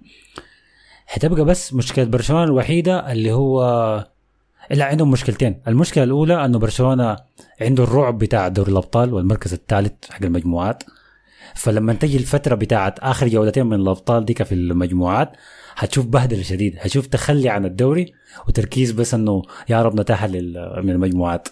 فدي فترة لكن ما تقعوا مع البايرن يعني. آه لكن ممكن نقع مع نيوكاسل يا أخي الله اعلم نعمل تقعوا مع حتى حتقعوا مع انتر وارسنال مثلا يعني. ممكن مع نيوكاسل. أنا شا- شايف أبيض اسود دي أنا شايفها يوم حاليا شايف ابيض نيوكاسل ضد برشلونة. في استاد نيوكاسل. آه، آه، حتكون بهجة دي. يعني تكون حاجة شيء كل كورة إرهابية كده جول واحد من دان بيرن ذاك مان بعدين قفلوها. أكتب آه، لك يتشاكل مع- حصلت دي حتكون أشد مباراة في في ال Champions League. حسي متخيل دان بيرن يا مان خش على بدري مطير. الهواء. أيوه آه، أراوخو شايل الميرون بغادي. هتكون حاجة شيء كده. ال- الأجواء في الاستاد ذاتها حتكون حاجة كم خرافيه مجنون أيوه آه، آه، فغالبا دي حاجة ممكن تحصل. فبتك الأسبوعين الأخيرات دي بتاعت المباراة الخامسة والسادسة في الأبطال في المجموعات حتكون مشكلة. المشكلة رقم اثنين لبرشلونه أنه برشلونة هيلعب الموسم ده برا الكامنو هيلعب آه، في صح. الملعب الأولمبي. بتاع حتة اسمها مونجيك تقريبا اسمها غريب كده حي برا شوية برشلونة لأنه الكامنو دمروا لابورتا كسروا فبيبنوا بي- بيحاولوا يصلحوا فيه هسه دي والحكاية دي هتطول يعني. بورتو صعب والله. صعب. أنا حياتي ولا ما شفتها مان زول بيتحرك تحركات. فبرشلونة ما هيلعب في. دونالد ترامب. دونالد ترامب بتاع دي حاجة غريبة دي. أنت فريقك عنده أزمة وتقعد تعمل renovation كده. تغير في حاجة غريبة بيريز ذاته ما عملها. أي طبعاً أنا- بس كتلته ثلاث سنوات يعني. الغريب الأغرب منه شنو مصطفى؟ أنه الموسم اللي فات أعلنوا أنه okay ملعبنا هو سبوتيفاي كامنو الموسم اللي بعده كسرناه. ما في سبوتيفاي حرامي والله أخذ قروش يا غسيل أموال. ما وريتكم حناحنات آه، فأنا ما أعرف. لكن عين والله محل التدريبات ده لا أتمنى أنه ما نخش في الدوامة بتاعت أرسنال. ديك مع ملعب الإمارات يا مان بس دي, الحكاية ال... لا لا هتخش فيها مستحيل. إذا هو بيريز ذاته بال- هنا مدريد خش اي فيها. خشينا في بيريز. فغايته كان نشوف يحصل فيها شنو. فقلت عدم لعبنا في الكامنو هتكون دي مشكلة للجماهير ذاتها والدعم بتاعه وما أعرف شو، ما متعودين إنهم يكون ملعب غير كامنو فدي ممكن تكون مشكلة تانية. لكن غير كده برشلونة هو الفايز بالدوري. فنعيد عليك. المركز الرابع ريال سوسيداد الثالث ريال مدريد الثاني أتلتيكو مدريد والأول برشلونة. طيب. انت ليه خديت ريال سوسيداد يا مش ريال سوسيداد ريال بيتيس يا مصطفى؟ انه بليجريني ثاني حاجة شايف إن إسكو حيقدم موسم كويس. إسكو مشى ليهم طبعا. لسه شايف إنه إسكو عنده حاجة؟ يطلعها آه. طيب أنا اديك أبدأ من الرابع وامشي الأول. شايف المركز الرابع ريال مدريد؟ شايف أنشيلوتي حيقال؟ حيقال يا مان مسألة وقت بس. ما شايفه إذا سيقال أنا شايفه حيقال أنا حيقال ما أظن حيطرد في الموسم ده أصلا. لا ما أظن لأنه داخل موسم لا ما أظن بس يعني حيخرجوا بس نهاية الموسم. إلا اللهم لو طردوه حيجيبوا عشان زيدان يعني إلا يجي. زيدان يطلع عليهم تاني. راؤول؟ لا لا ما راول ما يجيبوا- ويا زيدان تشافي تشافي ألونسو جدد آه، جدد عقده مع ليفركوزن مع إنه دي حاجة ما مهمة أصلا. إلا إنه جزمان يكون قاعد لحد الوقت ده. عادي يا مان نجيب راؤول نص الموسم ينهي مسيرة راؤول كمدرب ذاته وبعدك يطلعه ثاني الموسم الجاي. عادي يعني. لا شايفه حيكون موسم سيء شديد لريال مدريد. ال deep blocks دي أنا ما أعرف الحل حيكون حقها شنو. يعني أنتم ما عندكم نظام السيتي عشان تستخدموا بيلينغهام كمهاجم وهمي. وتفتحوا الفرق. وعندكم لعيبة بيتفوقوا في المباشر يعني اللعب المباشر ناس رودريجو وفينيسيوس فجاء جاهز بس يعني الفريق جاهز شديد. يمكن يكون في حلول في التشكيلة دي على قول معاويه جبال إنه في Ferraris فعلا في الفريق ده زي ناس كامافينجا وناس تشواميني. في شوط من برا هو هو. لا هو الفريق كلعب يعني في صناعة فرص ممتاز. أي لكن قصدي لك إنه لا إنه مدرب يجي عنده فهم. آه يا يا لا لا. آه اللعيبه قدام المختلفه أنت كامافينجا خليك معكوس خش الوسط من كده لا بتاع. هي دي حتحصل أيوه مع الفريق مع المدرب الجاي إذا جاب مدرب بتاع system الفريق ده حيكون مجنون عديل يعني. أي فدي الحاجة المبشرة الوحيدة يعني الفريق يعني ك quality لكن مع أنشيلوتي حاسس صعبة ويلا لو لو مشى أنشيلوتي وجا زول زي راؤول أنا ما شايفه عنده الخبرة التكتيكية عشان آه. يعمل حاجة زي دي محتاج زول فاهم الكورة كده زول زي تنهاك كده فهمتني زول يكون من المدارس الجديدة دي مم. فشايف آه، ريال مدريد حيكون في المركز الرابع. في المركز الثالث أنا محتار صراحة بين ريال بيتيس وسوسيداد. بيتيس بيلعب في الأبطال؟ لا. لا. لا. في ال Europa League؟ أعتقد هاي أظن أيوه فحاخد بتيس ريال بتيس خلاص. تمام. وما بتمنى التوفيق لل ex بتاعي أصلا يعني في السوسيداد يشيلوا معاهم. في المركز الثالث ريال بتيس في المركز الثاني شايف أتلتيكو مدريد. لكن حيكون سباق قريب شديد يعني بيناتهم الاثنين. لو لو أتلتيكو فاز بالدوري والله ما حتفاجئ ابدا. ما حتفاجئ ابدا. لكن في المركز الثاني حاليا شايف أتلتيكو مدريد. في المركز الأول وداير أشوف حملة ممتازة من أتلتيكو مدريد في دوري الأبطال يعني ده الأهم بالنسبة لي. ما بيقدر إذا قدرت تروح سيميوني تدفعهم لحاجة كده خرافية. ما بيقدر حاجة تانية. آه. ما أقدر أحضر نيوكاسل ضد أتلتيكو مدريد ابدا. أتمنى المواجهة دي ما تحصل. على موضوع أتلتيكو. لا اتلتيك تتذكر أتلتيكو لما يلعب مع فريق كعب زي كده بي- بيقدم مستويات كويس. بيضطر يلعب كورة يعني. آه داير تلعب إرهاب خلينا. آه. ارح من تكتيكك آه أحسن كورة شفتها أتلتيكو مدريد في الأبطال فترة قريبة. كحماس ورغبة كده كان حقت السيتي ديك الموسم بتاع قبل ما السيتي يمرق من ريال مدريد. اللي عملوه السيتي وعملوه أتلتيكو مدريد. آه لما لما سافيج مسك جريليش من شعره آه كده. لا حول كان حاجة. كون جماهير أتلتيكو مبسوط بعد الكورة 10 دقائق بيصفقوا لسيميون طيب في المركز الأول برشلونة شايفه حيفوز بالدوري؟ أنت عارف دي حاجة خير. موضوع انه أنا ما عرفت حق ما فكر فيها ليه لكن ليه ما جاب جريزمان مثلا كلاعب ثمانية كان هيكون صفقة ممتازة صراحة. مم. فعلا. جاهز يعني ما زي ما انت لازم يتغير لمركز لأنه برشلونة لأنه أتلتيكو تعاقد مع جريزمان في أثناء الموسم أساسا يعني لأنه كان هو صفقة إعارة. بعد ذاك. أثناء الموسم انهوا الموضوع كله من بدري فما ما كان له طريقة. ودي واحدة من عيوب تنهاج إنه بيميل للعيبة اللي دربهم قبل كده. 50 مليون في اونانا أنتوني. مارتينيز. حسي داير اسمه منو ده. سفيان مراوي ذاته دربه قبل كده. فبحب الناس اللي اشتغل معاهم قبل كده وناس الدوري ال- الهولندي ده طيب برشلونة قلت لكم حيفوز بالدوري. شايف برشلونة مستغل؟ آه، ضعف الجودة بتاع الدوري الإسباني حاليا يعني وإنه المواهب قاعد تتشال منه. آه، شافي هو المدرب الوحيد اللي عنده تكتيك وجودة في التشكيلة بتاعته. ما واحد من الاثنين. فممكن هاي عادي. ممكن أقول لك أنا ممكن يفوز بالدوري ده إذا موضوع ريال مدريد جاط يعني ممكن يفوز به بدون أي خسارة عادي كده. إذا كده شحذ الهيمه مقرر إنه ده هو ده هدف الموسم الجديد. أما بالنسبة للأبطال فتلك محادثة أخرى. فدي هي توقعاتي للتوب دقيقة يا أحمد كريم لو قلنا برشلونة وقع مع أرسنال في دوري الأبطال يحصل شنو على البودكاست ده؟ سلام. آه، يكون فيها حكاية بتاعت ثلاث حلقات في الأسبوع يعني. وسبيسات يا أنا أفتح space ويقطع من ال space يفتح آه، تاريخ تاريخ المواجهات وبتاع. في الأبطال وفي المج- المجموعات ولا في 16 مثلا قول له لو لو يعني. يتواجهوا بس. أنا ما دايرة في المجموعات أنا دايرة في 16 طبعا عشان يطلعك يعني. أمم، دي هتكون عاد. عشان تكون نهاية. البودكاست ذاته يا صدقني. كذا يتقفل على كده. طيب. في تعليقات آه، لك إذا قريت كل شيء عن ريال مدريد في تعليقات الخارجية هسه. وكالعاده أنتم بتحبوا الخارجيات أكثر من المواضيع الجادة ذاته. فتوني 249 قال like قبل بداية الحلقة أصلا. ده زولنا شفتوا الناس زي دي. الناس بتعمل retweet للحلقة like share الحياة زي دي. قبل ما يسمع حلقة زادة دي الناس. ما الناس الآنانية بتسمع لروحها بس وما بتنشر يعني. هاي. قول الناس تقول لي يا أخي ليه ناشرين الحلقة بدري كده كان تنشرها 9 بالليل. شنو ده يا؟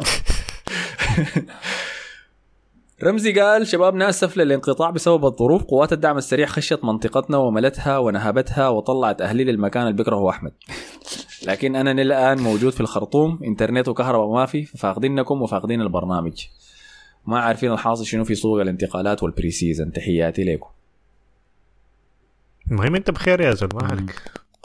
قاعدين يا ما ماشيين حتة أبقى الصمود يا رمزي أحمد عوض قال من أحسن البودكاستات بودكاست هابط فاقد للاحترافية ولكن اللي يميزه إنه بودكاست غير رسمي وعادي يتناقش فيه لعنة الفراعنه وسر مثلث برمودا و dating advice ومغامرات حسن العاطفية الكورة هي حاجة على الهامش لكم كل التوفيق والاحترام هسه ده العافية. يقول له شكرا ولا يقول له شنو أنا ما أعرف.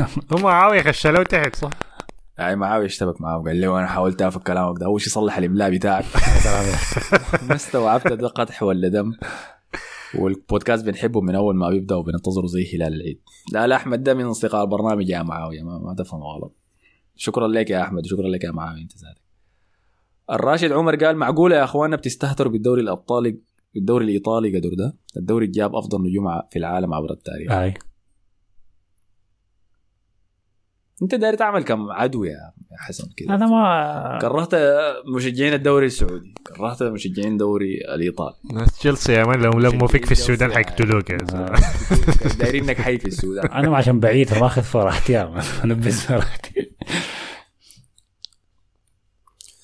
واستمر وقال يا أخواننا موسيماني ده مدرب أسطوري في أفريقيا شال دوري الأبطال مع الصن داونز والأهلي مرتين. معقولة ما مستلمينه؟ ده منو ده؟ المدرب بتاع جبنا الأهلي سيرته 200 يا زول موسيماني آه أوكي آه، ما دفعوا له آه.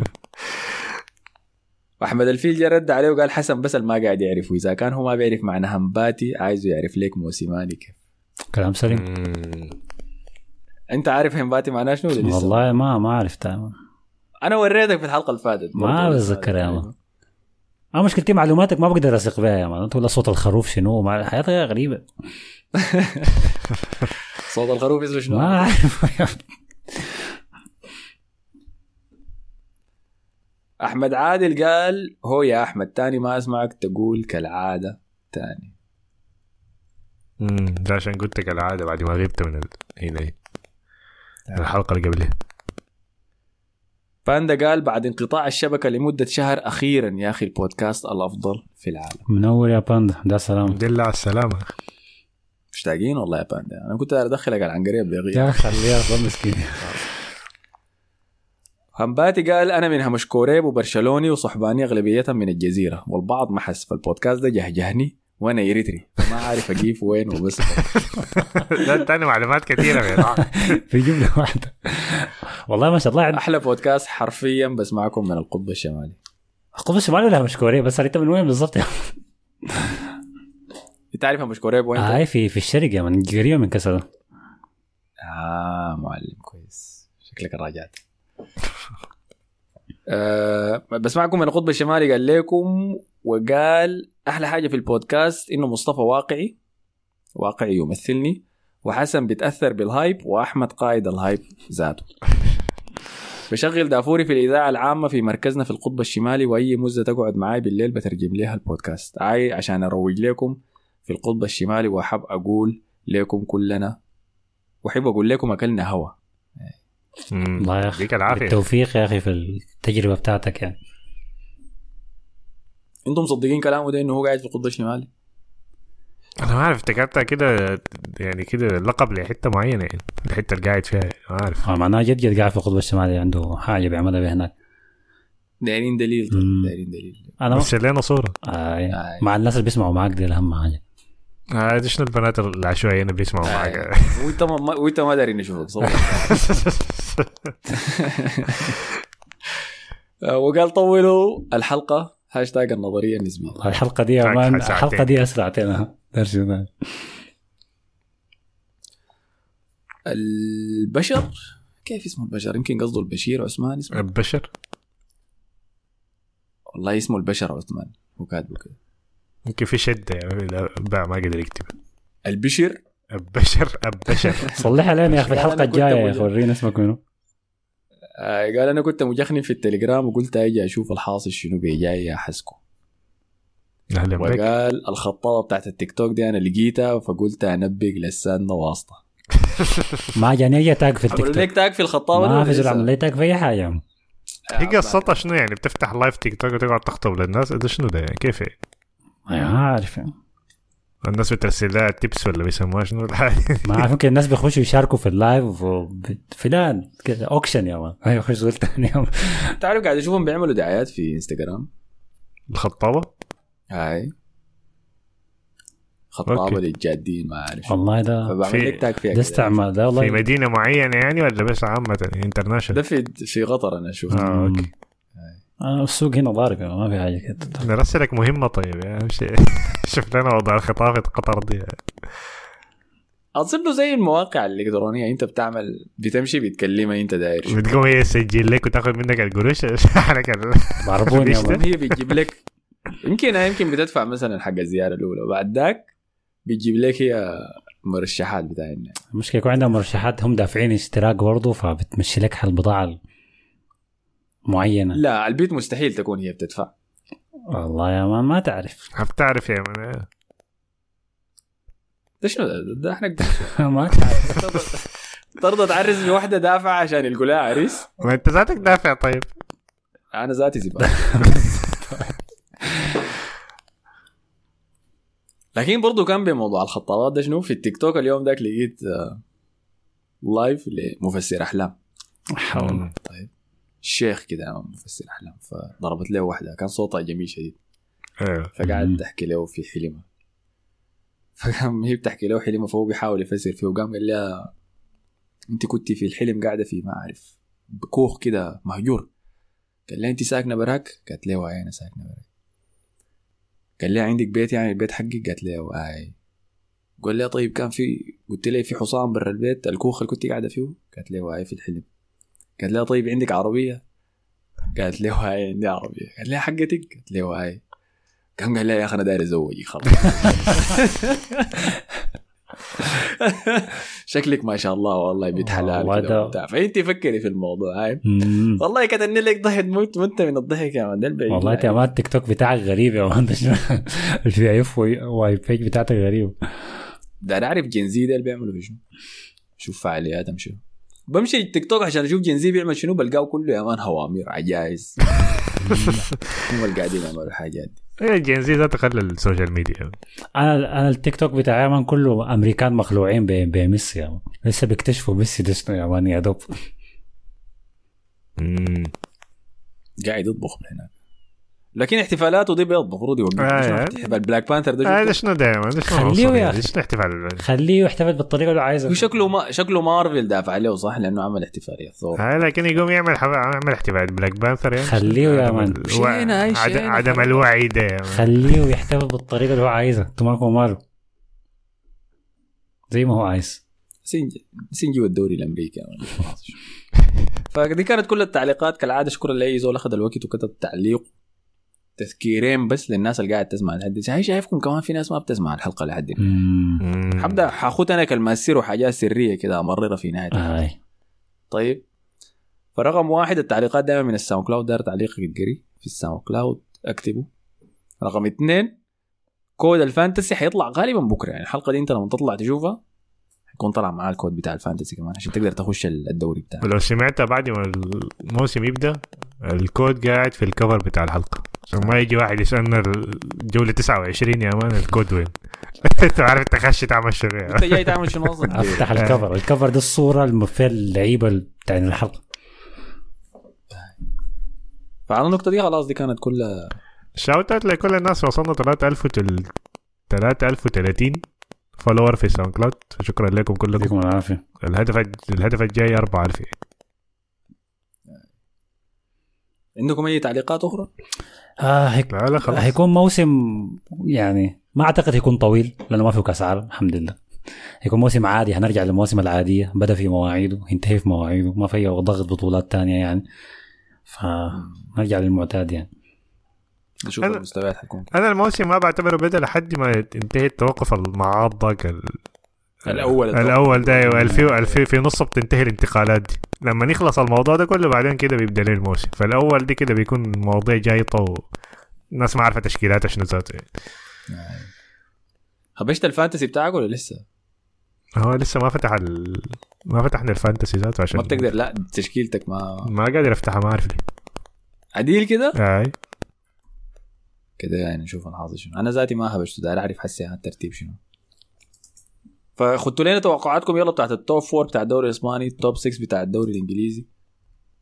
نشوفكم في حلقة الأسبوع الجاي. يلا السلام عليكم. اسمع بودكاست دافوري على ساوند كلاود يا ناس.